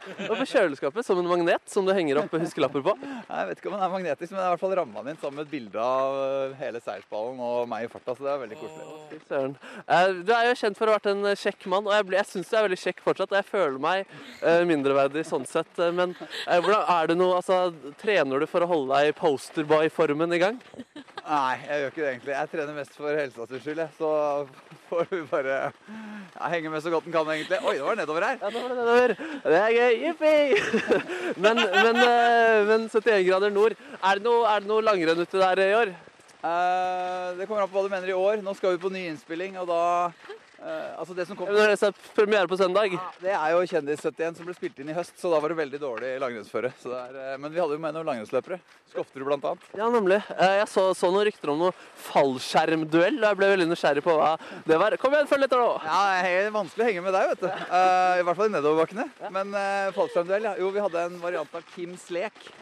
Og Kims lek er jo en sånn greie hvor du skal huske ting. Du får se et ark med 16 gjenstander, f.eks. Så skal du huske de, og så skal du bli utsatt for et stresselement før du skal vise at du husker det. Og stresselementet var fallskjerm. Fallskjerm, ja. Så vi gjør det ordentlig i 71 grader nord. Ja, Det var spennende. Følger du med på ski-VM om dagen? Ja, jeg gjør det. Savner du å konkurrere, eller hva føler du når du ser på det? Nei, jeg syns bare det er gøy å se på. Jeg savner ikke å konkurrere i det hele tatt. Men jeg syns det er enda morsommere å se på alpin-VM, da. Ok, s- Men du savner ikke konkurranse? Du er bare programleder for et konkurranseprogram? Er veldig, deilig å slippe å konkurrere. Men eh, vi skal svusje oss videre. Du skal vel videre på en liten tur- langrennstur nå? Jeg hadde tenkt meg å hente kikke ut, men det var fryktelig bakglatt i dag. Altså. Vi må se om vi har noe annen smøring i bilen. Altså, du, lar deg, altså, du er en sånn fyr faktisk som smører skiene hvis det, du ikke er fornøyd med glien etter vi har gått til 300 meter. Ja, det, da må det smøres om. Det er hvorfor han er på eh, postere rundt om i kvinners hjem, og jeg bare er på radioen. Men vi svusjer oss videre, og så ønsker jeg god skitur til alle som skulle gå på ski i dag. Og en god dag til dere der hjemme. Tusen takk, Markus! God morgen. Svosj! For en nydelig stemningsrapport. Og om han nå bare er på radio, så gjør han iallfall en god innsats med intervjuene sine. Du er jo tidligere VM-utøver. Hva tenker du når du ser snø? Eh, det er alt svosj. God tur videre, du! Takk, svosj. Det går fort. Her er Coldplay og Don't Panic. P3. Den låta her er altså for nydelig. Skulle ikke være mulig, men det er alltid altså så utrolig behagelig å høre den igjen. Dette var Don't Panic. Det var Coldplay. Og som en liten fun fact på tampen kan jeg nevne at denne var en av tre låter vi hadde på repertoaret da vi i to timer en gang i 2006 oppretta og la ned bandet Ronny and the Lost Pony. Hva var de andre låtene dere hadde? Ja, det var noe Appleseed Cast, og så var det Big Bang med Welcome to the Mountains. Men, men Ronny, altså, du kan ikke bare starte et band for å så bare legge det ned. Ja, vi, vi hadde ei øving, og så varte den i to timer. Det var kjempegøy. Vi drømte om alle klassefestene vi kunne spille på. Og kanskje vi kunne få sånn en liten gig i kjelleren på Studentersamfunnet Og i masse kvinner Uh, Ja, nei, det var mest, det var mest der vi ville bare, bare liksom holde konsert, da. Uh, men så var det den øvinga, og så ble det aldri igjen. Jeg var vokalist, forresten. Du var vokalist, ja. Welcome to the mountain. Oh, hvis det er en ting jeg ønsker meg, så er det en uh, konsert med Ronny and the Lost Ponies. Er det, er det mulig å få til? Kanskje en gang om 20 år. Om 20 år! Ja, ja, Ja, ja. Det skal jeg gni meg med tålmodighet. Ja, ja, det.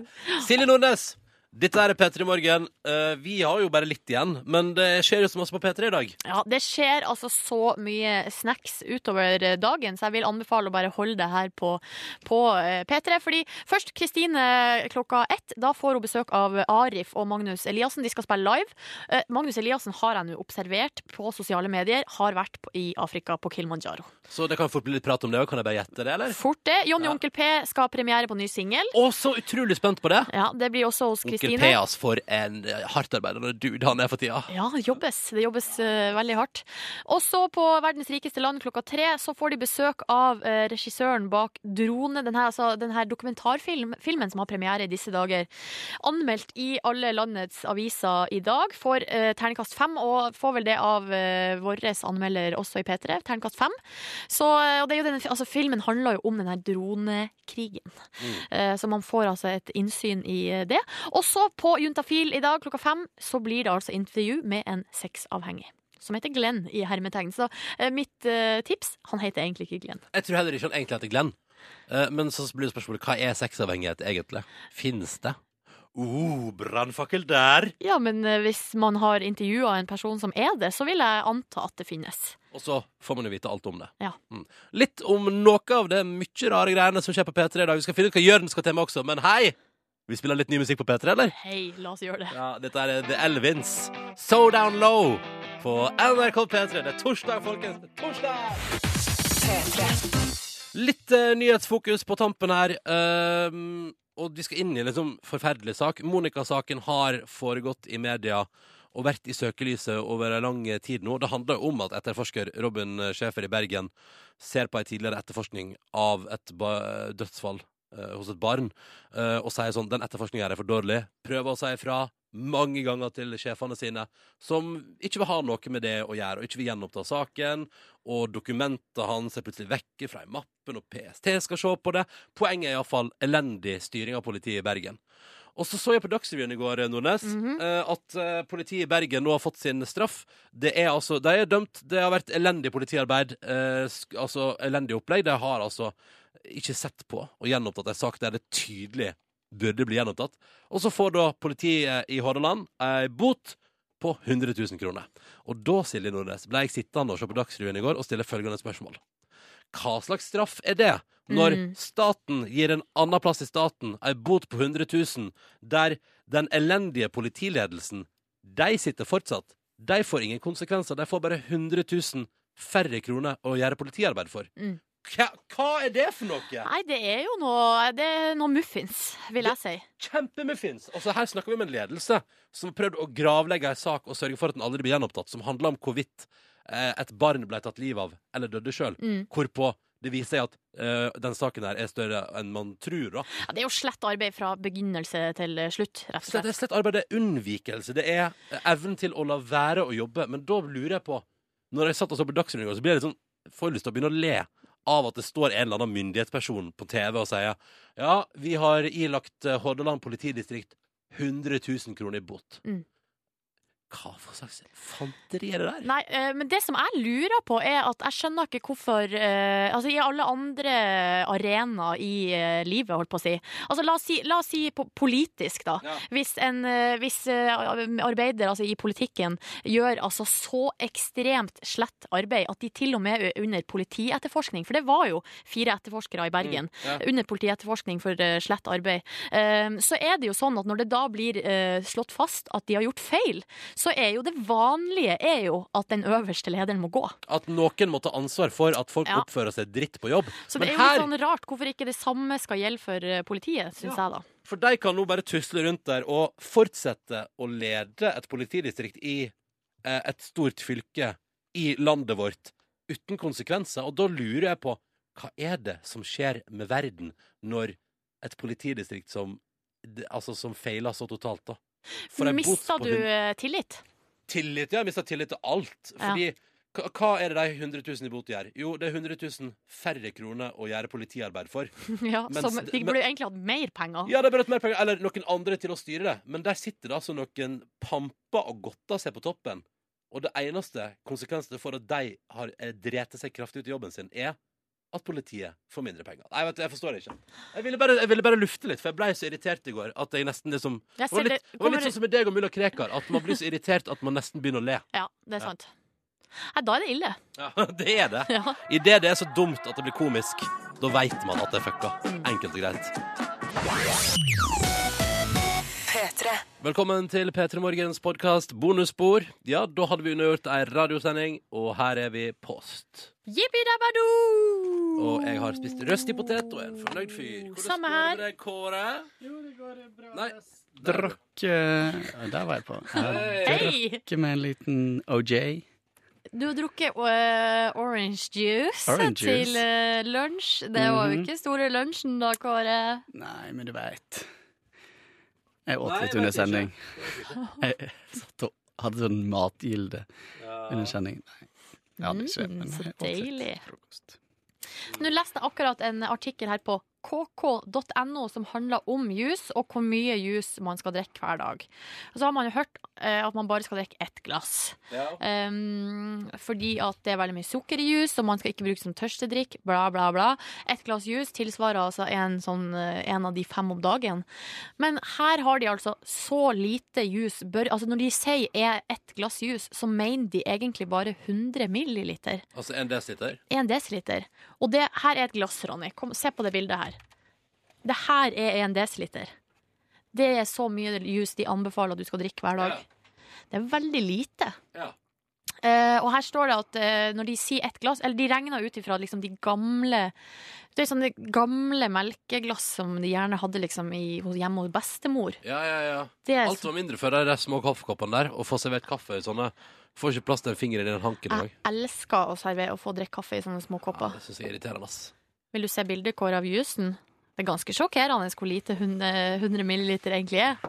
Eller en desiliter, da, som det jo er. Ja, og nå har jeg nettopp eh, drukket altså jeg, Når jeg tar juice i kantina, så tar jeg jo de aller største glassene. Ja, selvfølgelig. Hallo. Samme her. Fordi man betaler jo for Men hva er det man ikke skal drikke mer jus for? Er det syreinnhold? Sukkeret, det er Er det sukker? Det er sukkeret. Er det for tennene, eller er det for vekta og Jeg tror ikke det er så jævla nøye. Hvis man spiser eh, no, sunt og normalt, så går det vel helt greit å drikke et stort glass med juice.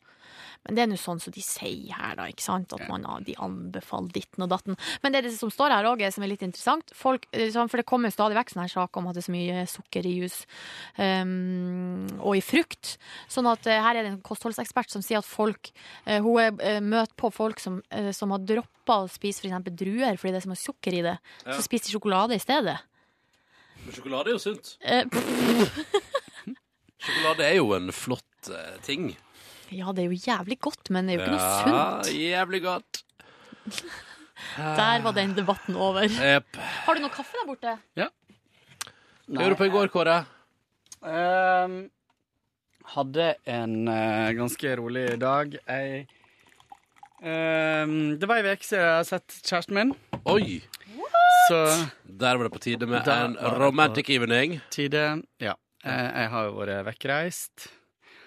Og så så jeg ikke han dagen før jeg dro, og så eh, Ja. Så da var det på tide å møtes. Så vi eh, Han kom til meg og lagde middag. Mm. Deilig kykling. Og en digg salat med en sånn blå blåmuggost. Du ble servert i går, med andre ord. Mhm. Ja, ja, ja. Så det var, det var kvelden sin. Eh, og så eh, satt jeg med noe i sånn halvveis jobbgreier en liten stund.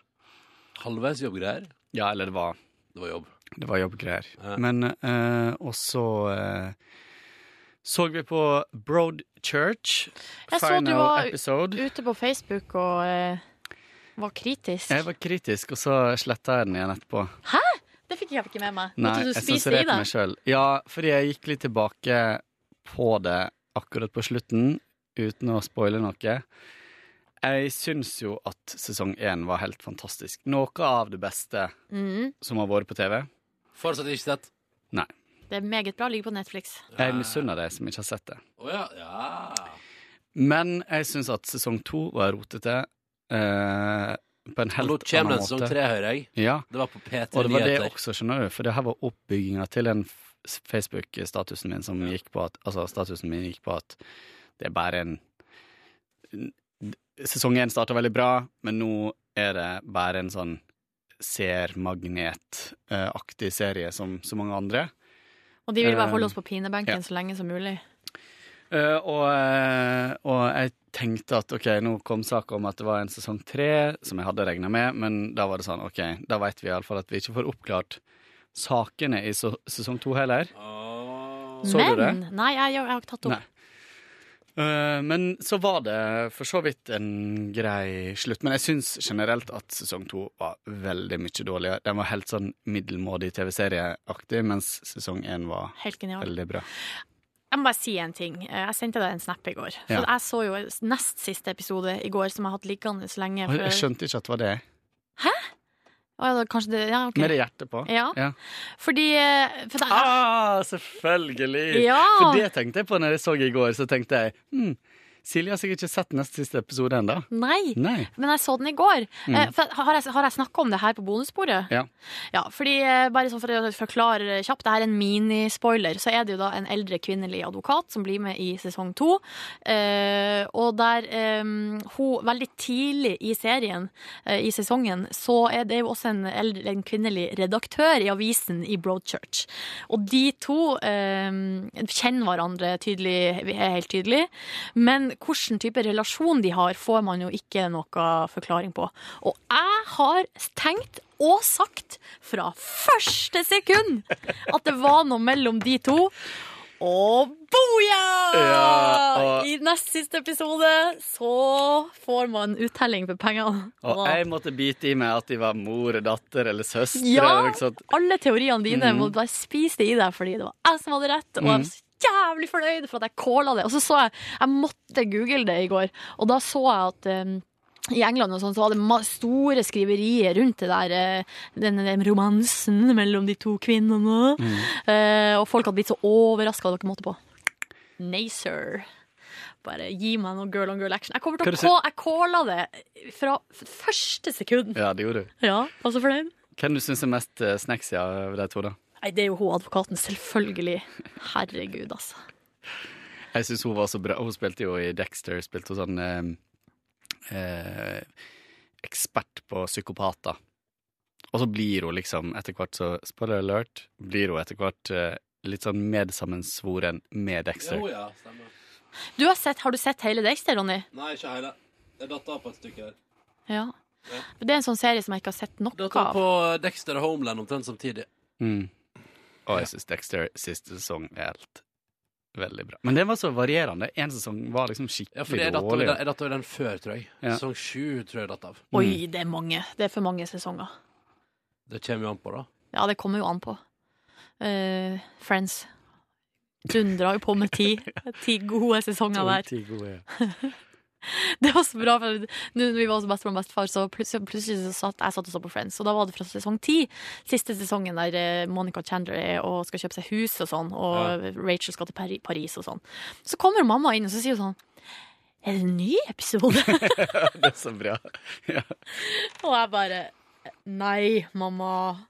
Det er gammel. Det her er siste episode. Det er Siste litt sånn som mamma som oppdaga Seinfeld i siste sesong. Og jeg- har det alltid vært sånn Å, sitter du og ser på det der igjen? Det er bare sånn Det er bare sånn dritt hele tida, liksom. Hun syntes det var, var så kritisk til Seinfeld, da. Ja. Og så sa, sa jeg men sett deg ned og se litt på det. Og så gjorde hun det. Og akkurat som med Alien-filmene, så elsker hun det. Så nå kommer, hun, nå kommer hun liksom med sånne referanser til Kramer og George og sånt. 15 år for sent. Ja, for vi, når jeg var hjemme nå, så så vi Pretty Woman. Jeg og mamma og pappa. Den gikk på TV, og de, har- der hadde jeg ikke sett den før. da. Eh, og der spiller jo han Jason Alexander, Ja, ja, som spiller George. Og da sier mamma det er han i Seinfeld, sant? Så da hadde vi plutselig sånn felles referanser. Det var koselig. Ja, ja, ja, ja. Ikke døra Ti år etterpå. Ah. Noe mer i går, eh, Kår? Nei, jeg kan ikke si det. Rydda og vaska klær. Oi. Eh, ja. Nordnesen, da? Nei, jeg dro hjem og eh, så litt på How I Met Your Mother, og så sov jeg på sofaen. Og så kjente jeg faktisk, eh, da jeg var ferdig med den eh, lille luren Jeg droppa kor i går, da, fordi jeg måtte, kjente at jeg bare måtte være hjemme og ta det med ro. Men jeg kjente, jeg, jeg kjente i går på et overskudd som jeg ikke har hatt på ei og ei halv uke, og det var veldig deilig. Og så så jeg på Dagsrevyen det intervjuet med Krekar, og da ble jeg så jeg ble så oppildna av det greia der at jeg sendte meldinger til Ronny og til Markus og bare ble helt sånn her eh, Jeg blir så For det var så latterlig at jeg ble, kjente jeg ble Det var godt å liksom føle på noe. Engasjement. Mm. Så, eh, så da levde jeg en god stund på det, så bakte jeg brød. og så så jeg den episoden av Broadchurch som jeg hadde tatt i opptak, og så gikk jeg og la meg tidlig. La meg faktisk halv elleve. Skrudde av lyset ti på elleve. Flink. Ja, så det går det er ikke så dumt. Hva slags brød bakte du? Eh, Jeg bakte jo det her, det, her, det, det skappelbrødet. Dattera til Dorte Skappel sitt brød. dattera til Skappelbrød. Ja, men det er altså så godt og så lettvint. Og Ja. det er, nei, det, men jeg smurte formene med smør som var gått ut for en, over en måned siden. Det går bra. Tror du det går bra? Ja. jeg skjært bort, det er det mamma har lært meg. Skjær bort det ytterste. Ja. Det som er gult. For inni der så er det smør som er eh, bevart av naturen i tusenvis av år. Gull er godt. Ja. Ja, ja, ja. Jeg uh, skulle egentlig rydde leiligheten min i går, jeg. Hvordan gikk det, da? Nei, jeg droppa det, og så gikk jeg og drakk øl i stedet for. Oi. Ja. Nei, men eh, min gode venn Kristoffer sendte melding og sa sånn Gikk nå seriøst, nå må vi drikke øl. Eh, nå er det lenge siden sist. Og det var det jo, han hadde jo rett i. Så vi møttes over en burger på Munchies, denne mye omtalte burger-fastfood-kjeda som også har ølservering og et noe uhyggelig lokale. Unnskyld meg. Men var det nye eller gamle? Ja, Vi var på Løkken, ja. Ja. Vi var på nye på Løkken. På Grünerløkken? Ja, og der var det, det var typisk at eh, akkurat da jeg stilte meg i kø der for å kjøpe et par øl, eh, så sto jeg kanskje i ti minutter i kø. eh, Men det var jo tydeligvis den eneste gangen i løpet av den timen vi satt der, at det var kø i det lokalet. Det var bare akkurat når jeg skulle stille meg der. Eh, For da står jeg liksom en evighet i kø, får tak i tre øl, og så skal min gode venn Ingve da rett etterpå gå og kjøpe burgere til oss. Og så går han bort, og så tar det liksom 30 sekunder. Og jeg tenker sånn, ja, da ble jeg sittende her noen minutter alene. Og så bare kommer han boom, tilbake. Eh, og så, så vi, men det er jo ikke så hyggelig å sitte der over lang tid. Det er vel derfor det faktisk går an å få seg sitteplass i den restauranten der på kveldstid. Eh, Så vi spiste opp burgeren vår, drakk to øl, og så traska vi videre. Hva du gikk for slags burger, da? Røyk på barbecue igjen, altså. Med bacon. Ja. Mm. Pommes frites? Ja, ja, ja. Kom pommes fritesen samtidig som burgeren? Oi. Men eh, det, vi var tre ved bordet. Han ene fikk burgeren sin ca. ti minutter før oss andre. Ja. Så de har ikke helt kontroll. Nei. Men eh,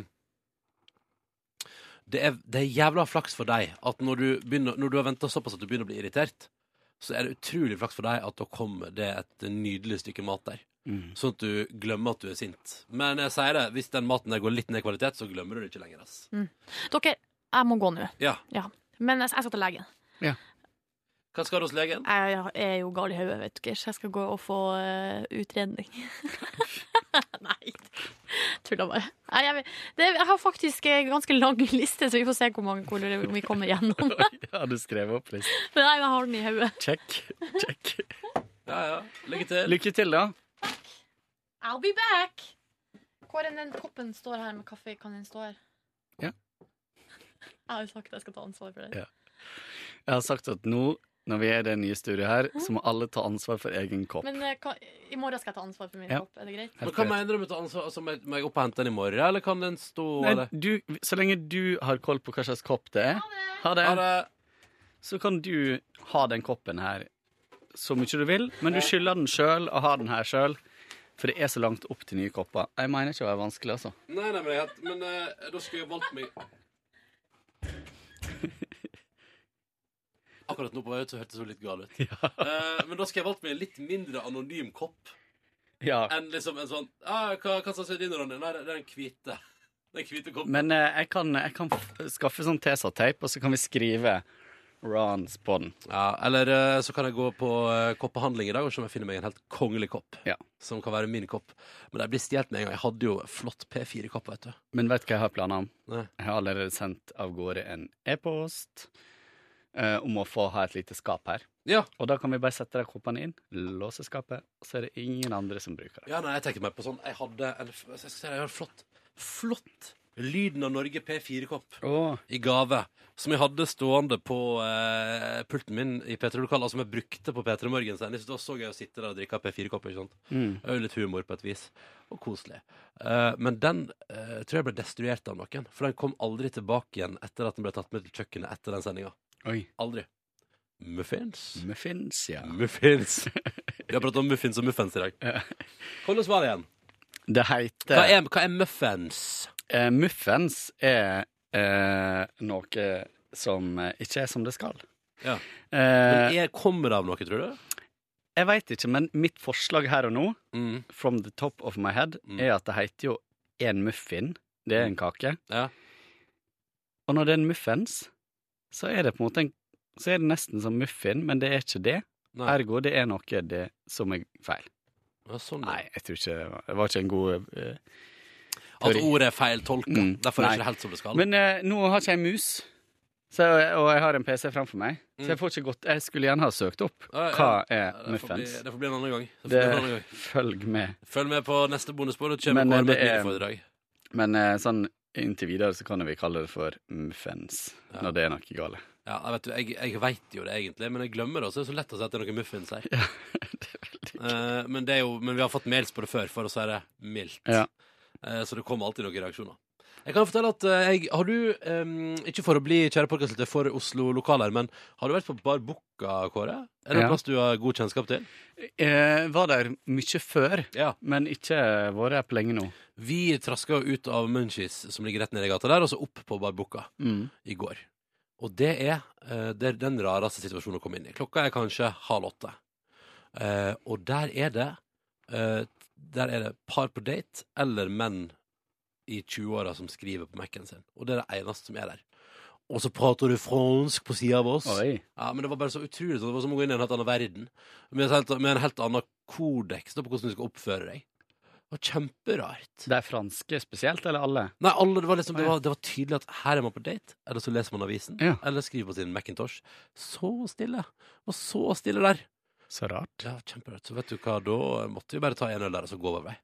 Nei, Det var jo en av de første liksom, kule, hippe plassene på Løkka. Ja. Og den, jeg tror den kom samtidig, og jeg lurer på om den var eid av samme som eier den eh, klesbutikken ved siden av.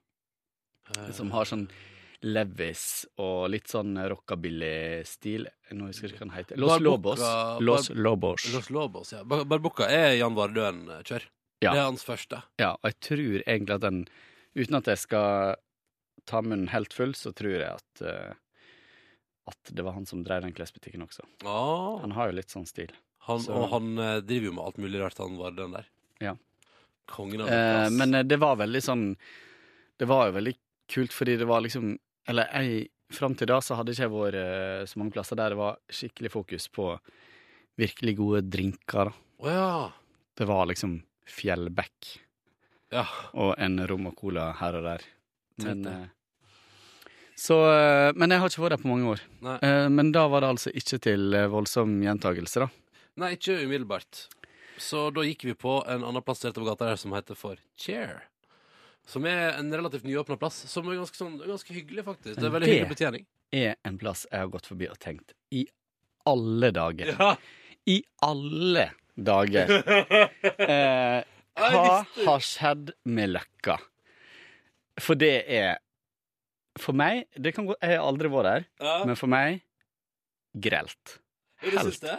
grelt. Å ja, sei. Liksom, og han prøver seg på en litt sånn eh, Hva skal jeg si, da? Soliplass-aktig eh, Nei. Jo, men det her blir litt eh, Oslo-lokalt. Men, eh, men jeg syns eh, med de lyse kronene og litt sånn pompøs eh, Nei, åh. uh. Veldig hyggelig betjening, da. Ja. Da, Eh, fordi jeg bestilte Det er San Miguel på kranen, så bestilte jeg San Miguel til uh, hele gjengen. Og så sier han sånn Husker du sist du var her og drakk også San Miguel? Han bak disken. Og jeg bare «Eh, Ja, jeg husker at sist jeg var her, så fikk dere ikke krana til å funke på to timer. Så jeg gjorde jo ikke det. Så ble jeg sånn Nei, fader, nå var jeg litt sånn Hvorfor sa jeg det? Kanskje bare holde kjeft og smile? Er det ikke sånn er det å være stjerne. Nei. Nei. Den får Nordnesen ta på sin kapp, ass. Det får Nordnesen styre med. Dette vet jeg. Men, eh, så det, men det var veldig hyggelig å sitte der og skåle litt. Og så var det jo fint å traske hjem igjen i god tid. Og komme hjem igjen og se på Dagsrevyen og se på Mulla Krekar, og så gå og legge seg. Ja. Var mulig Krekar det siste du så på før du la deg? Nei, det var introduksjonen til værvarslinga. Ja. Så jeg fikk med meg til og med sporten. Men når eh, Jon Smits kommer for å ta været, så tenkte jeg vet du, det trenger jeg ikke. Det går bra. Det skulle bli mye vær, forsto jeg. Mm. Ja, Men utenom det så var det ikke så relevant. Lurer på om jeg tenkte at fordi det var flere timer siden værvarselet blitt sendt på TV, så var det på en måte uaktuelt. Men det er veldig rart, for det er jo for i dag. Det var det. Ja. Men eh, det var Kveldsnytt, altså? Nei, er dags, Dagsrevyen. På, på, på Apple TV-en min. Å ja. Fordi jeg ville jo nei. se, jeg ville jo se det hele, hele intervjuet med Mulla Krekar. Ja. Mm. Uten noe pause eller klipping. Eller bare, bare så hele biten. Mm. Så det var eh, flott TV. Eh, mye å bli engasjert av i gårsdagens nyhetsbilde. Sikkert like mye i dag også. Mm. I dag skal vi på middag. Det skal vi, det blir kjekt. Vi skal er litt, jeg er litt skeptisk, for vi skal på en plass der det serveres fiskeburger i dag. Ja, men jeg tror det kan godt være at du kan eh, bortvelge eh, fisk, da. Å, det hadde vært deilig, da. For de har jo mye god mat der. Ja, ja, ja. Eh, og Ja, og det er nå én ting. Men så skal vi kose oss videre også. Mm. Ja. Så um, Vi har en hel aften foran oss, vi. det blir, eh, det blir eh, kjekt. Det blir det. Jeg gleder meg til det, og det er jo litt sånn senere i dag. Før eh, den tid har man noe man skal gjøre. Absolutt. For å si det på den måten. Det, det går litt unna. Så det blir jo ikke all verdens tid til de lengste bonussporene, men, men i morgen håper jeg at vi har tid til et eller annet. Og så gleder jeg meg litt til å komme på kontoret Se den nye pulten. og se den nye pulten Ja. og trykke på knappen oppover og kunne stå ved pulten Jeg mens. Markus Markus må sitte! sitter Markus må sitte! Det var altså euforisk stemning på kontoret her i går. Jeg var så lykkelig at jeg Altså, På et tidspunkt tok Markus meg i at jeg sto og dansa. Fordi jeg var så lykkelig over den nye pulten. Fikk også en ny telefon i går, skal sies. Så det var en dobbel eh, good times onsdag for min del. Den er jeg litt misunnelig på. Er du det? Mm. Ja. Du får eh, Du får begynne å jobbe. jobbe i kulissene. Eh, nå har jeg jo holdt meg til samme skiten lang, lenge, lenger enn langt. Ja. Nei, min, min telefon fungerer jo bra, men den blir hele tida full. Ja. Og det er problemet, liksom. Når man filmer en del og tar mye bilder. Så jeg må, jeg må slette over en lav, lav sko. Men du bruker Dropbox, ja? Eh, jeg bruker det jeg, Men det, det er liksom ikke overførselen som, som er hovedproblemet, for jeg fører jo opp Mac-en min hele tida. Ja, ja, ja. Men eh, det skal Jeg må gjøre det så ofte. Ja. Og så er- plutselig så har jeg overført ting, så har ikke jeg det tilgjengelig. Ja, ikke sant? Men eh, Dropbox er sikkert lurt, men den blir jo også veldig fort full. Jeg har kjøpt deg. Ja. Så nå har jeg jo en terabyte. Det skal Mm. godt gjøres. Jeg har brukt eh, Hva har jeg brukt? Sånn 0, nei, Ja. 3-4 av. Eh, men det er bare, sånn, det er bare så suverent, fordi da har jeg jo alle bilder jeg har tatt de siste åtte åra, har jeg liksom tilgjengelig overalt. Ja. Eh, på internett og fra, mobi fra min mobil hele tida. Det er bare det eneste er jo at eh, det er nok bilder til at det tar litt tid å browse. Mm. Men det er inndelt i måneder og sånn, så det går jo ganske sånn. Men er du eh, komfortabel med å ha det liggende på nettet? Ja, ja, den dropboxen der, den, jeg tror at den tjenesten der betaler jeg for. eh, og i det legger jeg også at jeg er ganske sikker på at den er sikker og fin. Mm. Og så er det ikke noe snusk der. Det er ikke noe snusk. Nei da, nei, det, det er ikke det. Nei, men det Det, er jo det tenker ikke om det. eh. Ronny. Men de siste bildet, de siste bildet av deg nå, i, eh, i stolen, Ja. Det var et flott, det. Så du på det? Ja, det ble fine, de. Det ble Mm. fine, de. Jeg eh, skal, det skal ut på min eh, private Instagram, iallfall. At jeg prøver å sitte i samme stolen som Mulla Krekar satt i. Å, det er fint. Ruben skal skrive 'Dette er det næreste jeg har vært rumpa til en kjendis'. Eller et eller annet den dur. Jeg vet ikke. Jeg skal tenke litt på det. Men jeg føler at det er noe humor der som jeg må få utløst i løpet av dagen. Mm. Så må jeg bare se, rett og slett. Få rugge litt på den. Ja. Det er bare så, jeg skulle ikke si det er så typisk nå at nå går jeg, når vi, i det vi liksom gir oss med bonusbordet, jeg kommer ut og ser det som at det sitter 15 stykker fra Super og tar det samme bildet i samme stolen. Sånn, ja, OK, greit. Da, Hvorfor, hvorfor i super, tror du det? fordi folk tar bilde i Super. Det er mer, jeg, er mer, jeg har mer trua på at det unge virale miljøet i Super tar bilde til Instagram enn at eh, for eksempel administrasjonen gjør det. Kantinepersonalet og Kantinepersonal tror jeg er fryktelig til stades på sosiale medier. Det Tror jeg også. Ja, ja. Altså, eh, Yngve Hustad Reite så jo han ene på Hovefestivalen. Han, Mm. som, han ene som jobba der før. Eh, og for å si det sånn, på Hovefestivalen, da hadde han fri. Var ikke, det var ikke snakk om å vedkjenne seg at man møter på folk man møter til daglig på jobb der. på en måte. Nei. Og sånn Nei, du fins ikke. Du er ikke her. jeg forstår det litt òg, da. Ja, det skjønner jeg. Ja, Man blir jo litt sånn der eh, hvis du er drittlei jobben din. Som jeg ikke nødvendigvis tror at folk i kantina er. Men hvis du for eksempel er det, og endelig har fri, så er det jo det verste som kan skje, er jo at du møter på de folka som du syns irriterer deg hver dag. Mm. Så det... Tror du det er mye irritasjon der? Nei da, jeg tror det. Jeg tror, ehm, det, virker, det virker som det er litt splitta. Det virker som noen er helt konge. Og noen Mm. er jo ekstremt hyggelige. Eh, og veldig sånn som hilser på når du kommer. Det er så koselig. Mm. Eh, og så er det noen som ikke gjør det. Og sånn er livet sjøl òg, da. Noen hilser på deg når du kommer forbi, noen gjør det ikke. Jeg går for å prøve å hilse mest mulig. Det er en god strategi. Fikk du, fikk du med deg at Silje hilste på hun eh, som fulgte sendinga på nytt etter sending? Nei, hun hadde ikke helst på før. Hadde hun ikke? Nei. Å nei. Nei. Å nei, for hun, Da sa hun dama sånn Å, vi har nå hilst før. Ja, men ikke i dag. Å nei, ok. Det hadde møttes på Masterchef. På Masterchef. Yes. Å ja. Så det Å ja. Nei, så Å ja, nei, for jeg tenkte at jeg var tid- vitne til liksom tidenes kleine situasjon. i studio her i stad. Når vi har, det har vært ei dame her og fulgt hele sendinga, altså sittet ute med Kåre i tre timer. Og så hilste jeg på henne når hun kom.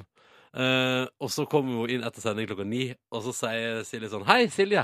Og så sier hun sånn Vi har hilst før. deg sånn du, og så jeg til og så holdt jeg på å si høyt sånn Hun har sittet der ute i tre timer! Så, altså, det var det, oh, men da inngikk jo- jeg å lage en klein situasjon. Det var litt deilig, da. Å, oh, det var godt å høre, Kåre. Det var Ja. godt å høre. Nei, det var ikke i dag. Å, nettopp, nettopp. Skal vi gi oss, eller? Og gå, og jeg kjenner at jeg lurer på skal ha meg en eh, sånn uh, luksuskaffe før møtet og sånn. Det høres eh, fint ut. Jeg skal opp og stå. Og så bare beundre pulten. Mm. Å, pult, pult, pult! Og kan jeg bare si, kjære podkastlytter, til info eh, Det å prate om nye pulter på radio, det fører til at det alltid, det vil alltid, i det der prat om nye pulter, være minst én lytter som til enhver tid drar en ny pultvits. Jeg bare sier det. Hver, det, er uten, det er uten unntak, altså. Men det er jo hyggelig, da. Det er hyggelig. I morgen er det fredag. I morgen er det fredag. Eh, skal du noe Nei, det kan vi ta senere. Men eh, for å svare på spørsmålet litt. eh, kjærestebesøk. eh, og eh, kjæreste har familie der det er mye bursdager denne helga. Oh. Så det skal, det skal bli et lite bursdagsmaraton. Ja. Og så også kjæreste, storesøster, som reiser til eh, Himalaya i tre måneder. Shit. Så det skal også bli litt festivitas på kvelden. på Ja. lørdag der da. Så det er ganske planlagt helg. Ja. Eh, og så går det jo slag i slag. Jeg fant ut at neste frihelga mi er jo den helga vi tar påskeferie. Oi. F- Frihelg som i at du ikke har planer? Ja. Ja. 20. mars er det vel. Rundt der. Oi, oi, oi. Ja. Så det er rått, da. Jeg jeg må forresten si Nei. det- nei. Det kan, du se. Jeg satt og jeg satt og googla flyreise i går Ja. til den store gullmedalje. Og hva var det For å finne ut eh, hvor vi skal? hvor vi skal. For vi skal jo på Sjefen skal ta oss med på seminartur. For vi skal lage P3 Morgen på TV. Det er jo derfor vi sender fra et eh, urgammelt studio i NRK nå, og det er derfor vi liksom har hatt det litt travelt i det siste. Mye sånn omrokering av styrevesen, for vi bygger om vårt studio, og så kommer det inn en gjeng som skal begynne å lage TV-program av P3 Morgen, og de begynner på mandag, og på torsdag så skal vi på overraskelsestur, og det eneste vi har fått beskjed om at vi må ha med pass, og at du kommer hjem igjen seint lørdag kveld. Ja. Mm. Og så tok jeg sjekka jeg inne på Norwegian. Ja. Så sjekka jeg liksom alle destinasjoner Ja. på Norwegian. Ja. Det er ingenting som matcher. Ingenting? Med, med, med, det er veldig få flighter tilbake til Norge på lørdag etter sånn ett-to-tida på ettermiddagen. Ja. Og vi skal ikke være hjemme før rundt midnatt. Ja. Så enten så er det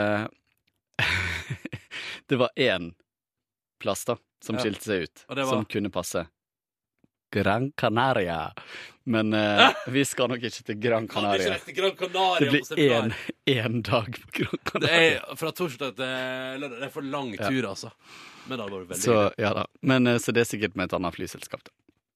Og så syns jeg det veldig Jeg synes jo Jeg har ikke lyst til å vite hvor vi skal, men jeg Nei. syns det er morsomt å eh, Men hva var det jentene, jentene drev og prata om uh, Istanbul? Ja. De hadde sjekka og lagt inn noe, noe søk på Finn over alle flyselskap, da. Ja. Eh, og da passa visst Istanbul med tidene. Jeg, fikk, jeg, fant, jeg klarte ikke engang å søke sånn på tide på Finn. Gir du meg eh, fem sekunder nå, Kåre? Ja. Hvis, vi- vil vi inn i det nå? Vil vi prøve å avsløre sjefen? Fordi jeg tror jeg har, jeg har et triks, skjønner du. Ja, okay. ja det er fint, eh, det. På I mellomtida eh, Ja, så kan jeg si, når jeg googler muffens, at um, Wikipedia sier Nei, det var feil. Her er det noe muffens var en av gruppa Snikksnakks første utgivelser og ble utgitt som singel i 1989. Um, så det var ikke Nei, da finner jeg ikke ut hva det betyr. OK, nå kommer det svar her straks. Ja Det kom et fly fra Nei, Men det er for tidlig, vet du. Skal vi se her. Ja. Jeg tenker at vi må lande ca. halv elleve på kvelden. Ja. Gran Canaria, Alicante, Amsterdam, Marrakech og Genéve landa mellom 10 og 11 på lørdag på Gardermoen. Mellom Og du ni- ser bare på Gardermoen på Ja. ankomster? Eh, På klokka ni på lørdag så landa fly fra Frankfurt, Paris, München, Gran Canaria, Ålesund og København. København, kanskje? Jeg tenkte på København Um... Men du, la oss rekne på det. Hun har sagt at vi er tilbake i Oslo ti på tolv, ikke sant? mm. Eh, og da har hun tydeligvis da Fordi etter hva jeg forsto på, så eh, da er vi tilbake igjen i sentrum. Da er vi, altså, da er vi, så da tar vi vekk eh, 20 minutter på flytoget. Mm. Da blir det 23.30. Og så tar vi vekk en halvtime iallfall, så vi må lande før 23. Men igjen, da, veldig rart å si at vi er tilbake ti på tolv, og ikke si tolv. Så på en måte så lurer jeg på om det er da vi lander. Skjønner du hva jeg mener? Ja, ja, skal se her. 23.50. Fuerteventura. Med Norwegian. Vi Ja, kan det- ikke være på Fuerteventura. Altså, det som er, da Det er jo helt nydelig der. Ja, ja, ja, ja. Men altså, eh, Norwegian, Norwegian har fire fly som lander i tidsrommet 10 på 12 til 12. Og det er Fuerteventura, Antalya, La, Lamaca, er det det er i Spania, det? Ja. Og Faro. Er ikke det Portugal? Jo. Og så har vi Lufthansa som kommer fra Frankfurt, ti over hal.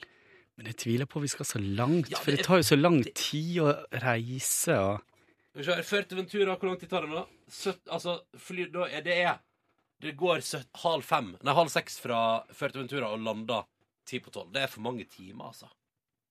Og én dag Nei, vi kan ikke være én dag på Ført... Dette her, dette her Jeg må, jeg må lukke Kan jeg, Tror du vi lander på Torp, eller? Tenk hvis alt er Tenk hvis det med passet bare er for å sette oss ut, da.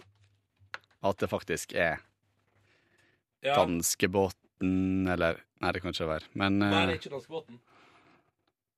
men en hyttetur i Nordmarka. Ja, da hadde jeg ikke gjort noe, det, altså. Nei.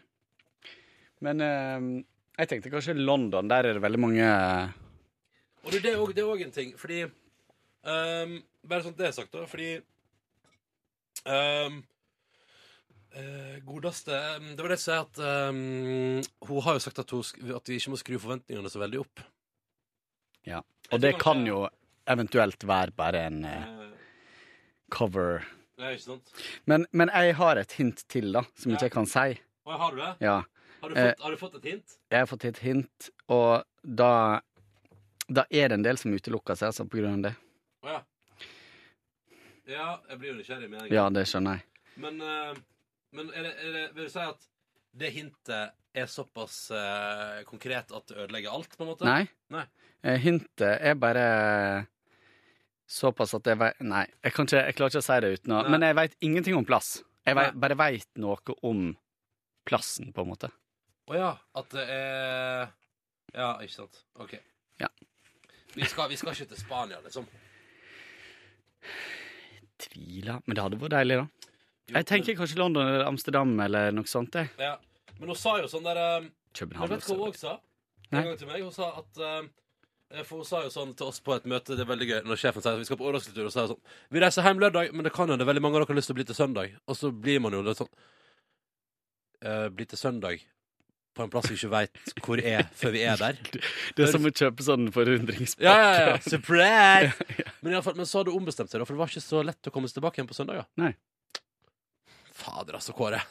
Dette er et mysterium. Som du skjønner, det er dette vi bruker arbeidsdagene våre på, Mm. kjære lytter. Uh, hvor vi ender opp, det skal du selvfølgelig få vite i et bonusspor om ei ukes tid. uh, men ja, nei, hjelpe meg, altså. Det skal være vanskelig, dette her. Men det er veldig veldig spennende. Er Jeg syns halve gleda er å spekulere i det. Ja, ja, ja. Jeg vil ikke vite det. Det er Nei, veldig nei, gøy å komme samtidig, på Samtidig veldig gøy nå å sitte og spekulere. Ja. Så man, jeg føler, fordi jeg kan jo ofte bli sånn Jeg vil ikke begynne å spekulere engang. Jeg vil ikke se på mulighetene engang, Fordi da blir det bare til at jeg liksom Men det er jo veldig gøy. Absolutt. Ja, ja. Men jeg vi tror vi gir oss der, og så har vi da searcha litt. Yes. Og så får vi se om jeg idet vi drar ned mikrofonen skal tvinne ut den siste bi- biten med info av. All right. Ha det bra, folkens. Vi snakkes i morgen. Da skal vi svare på spørsmål. Det har vi lovd. Det. Morgen etter NRK hvis det skulle være noe. Hei! Hør flere podkaster på nrk.no podkast. P3.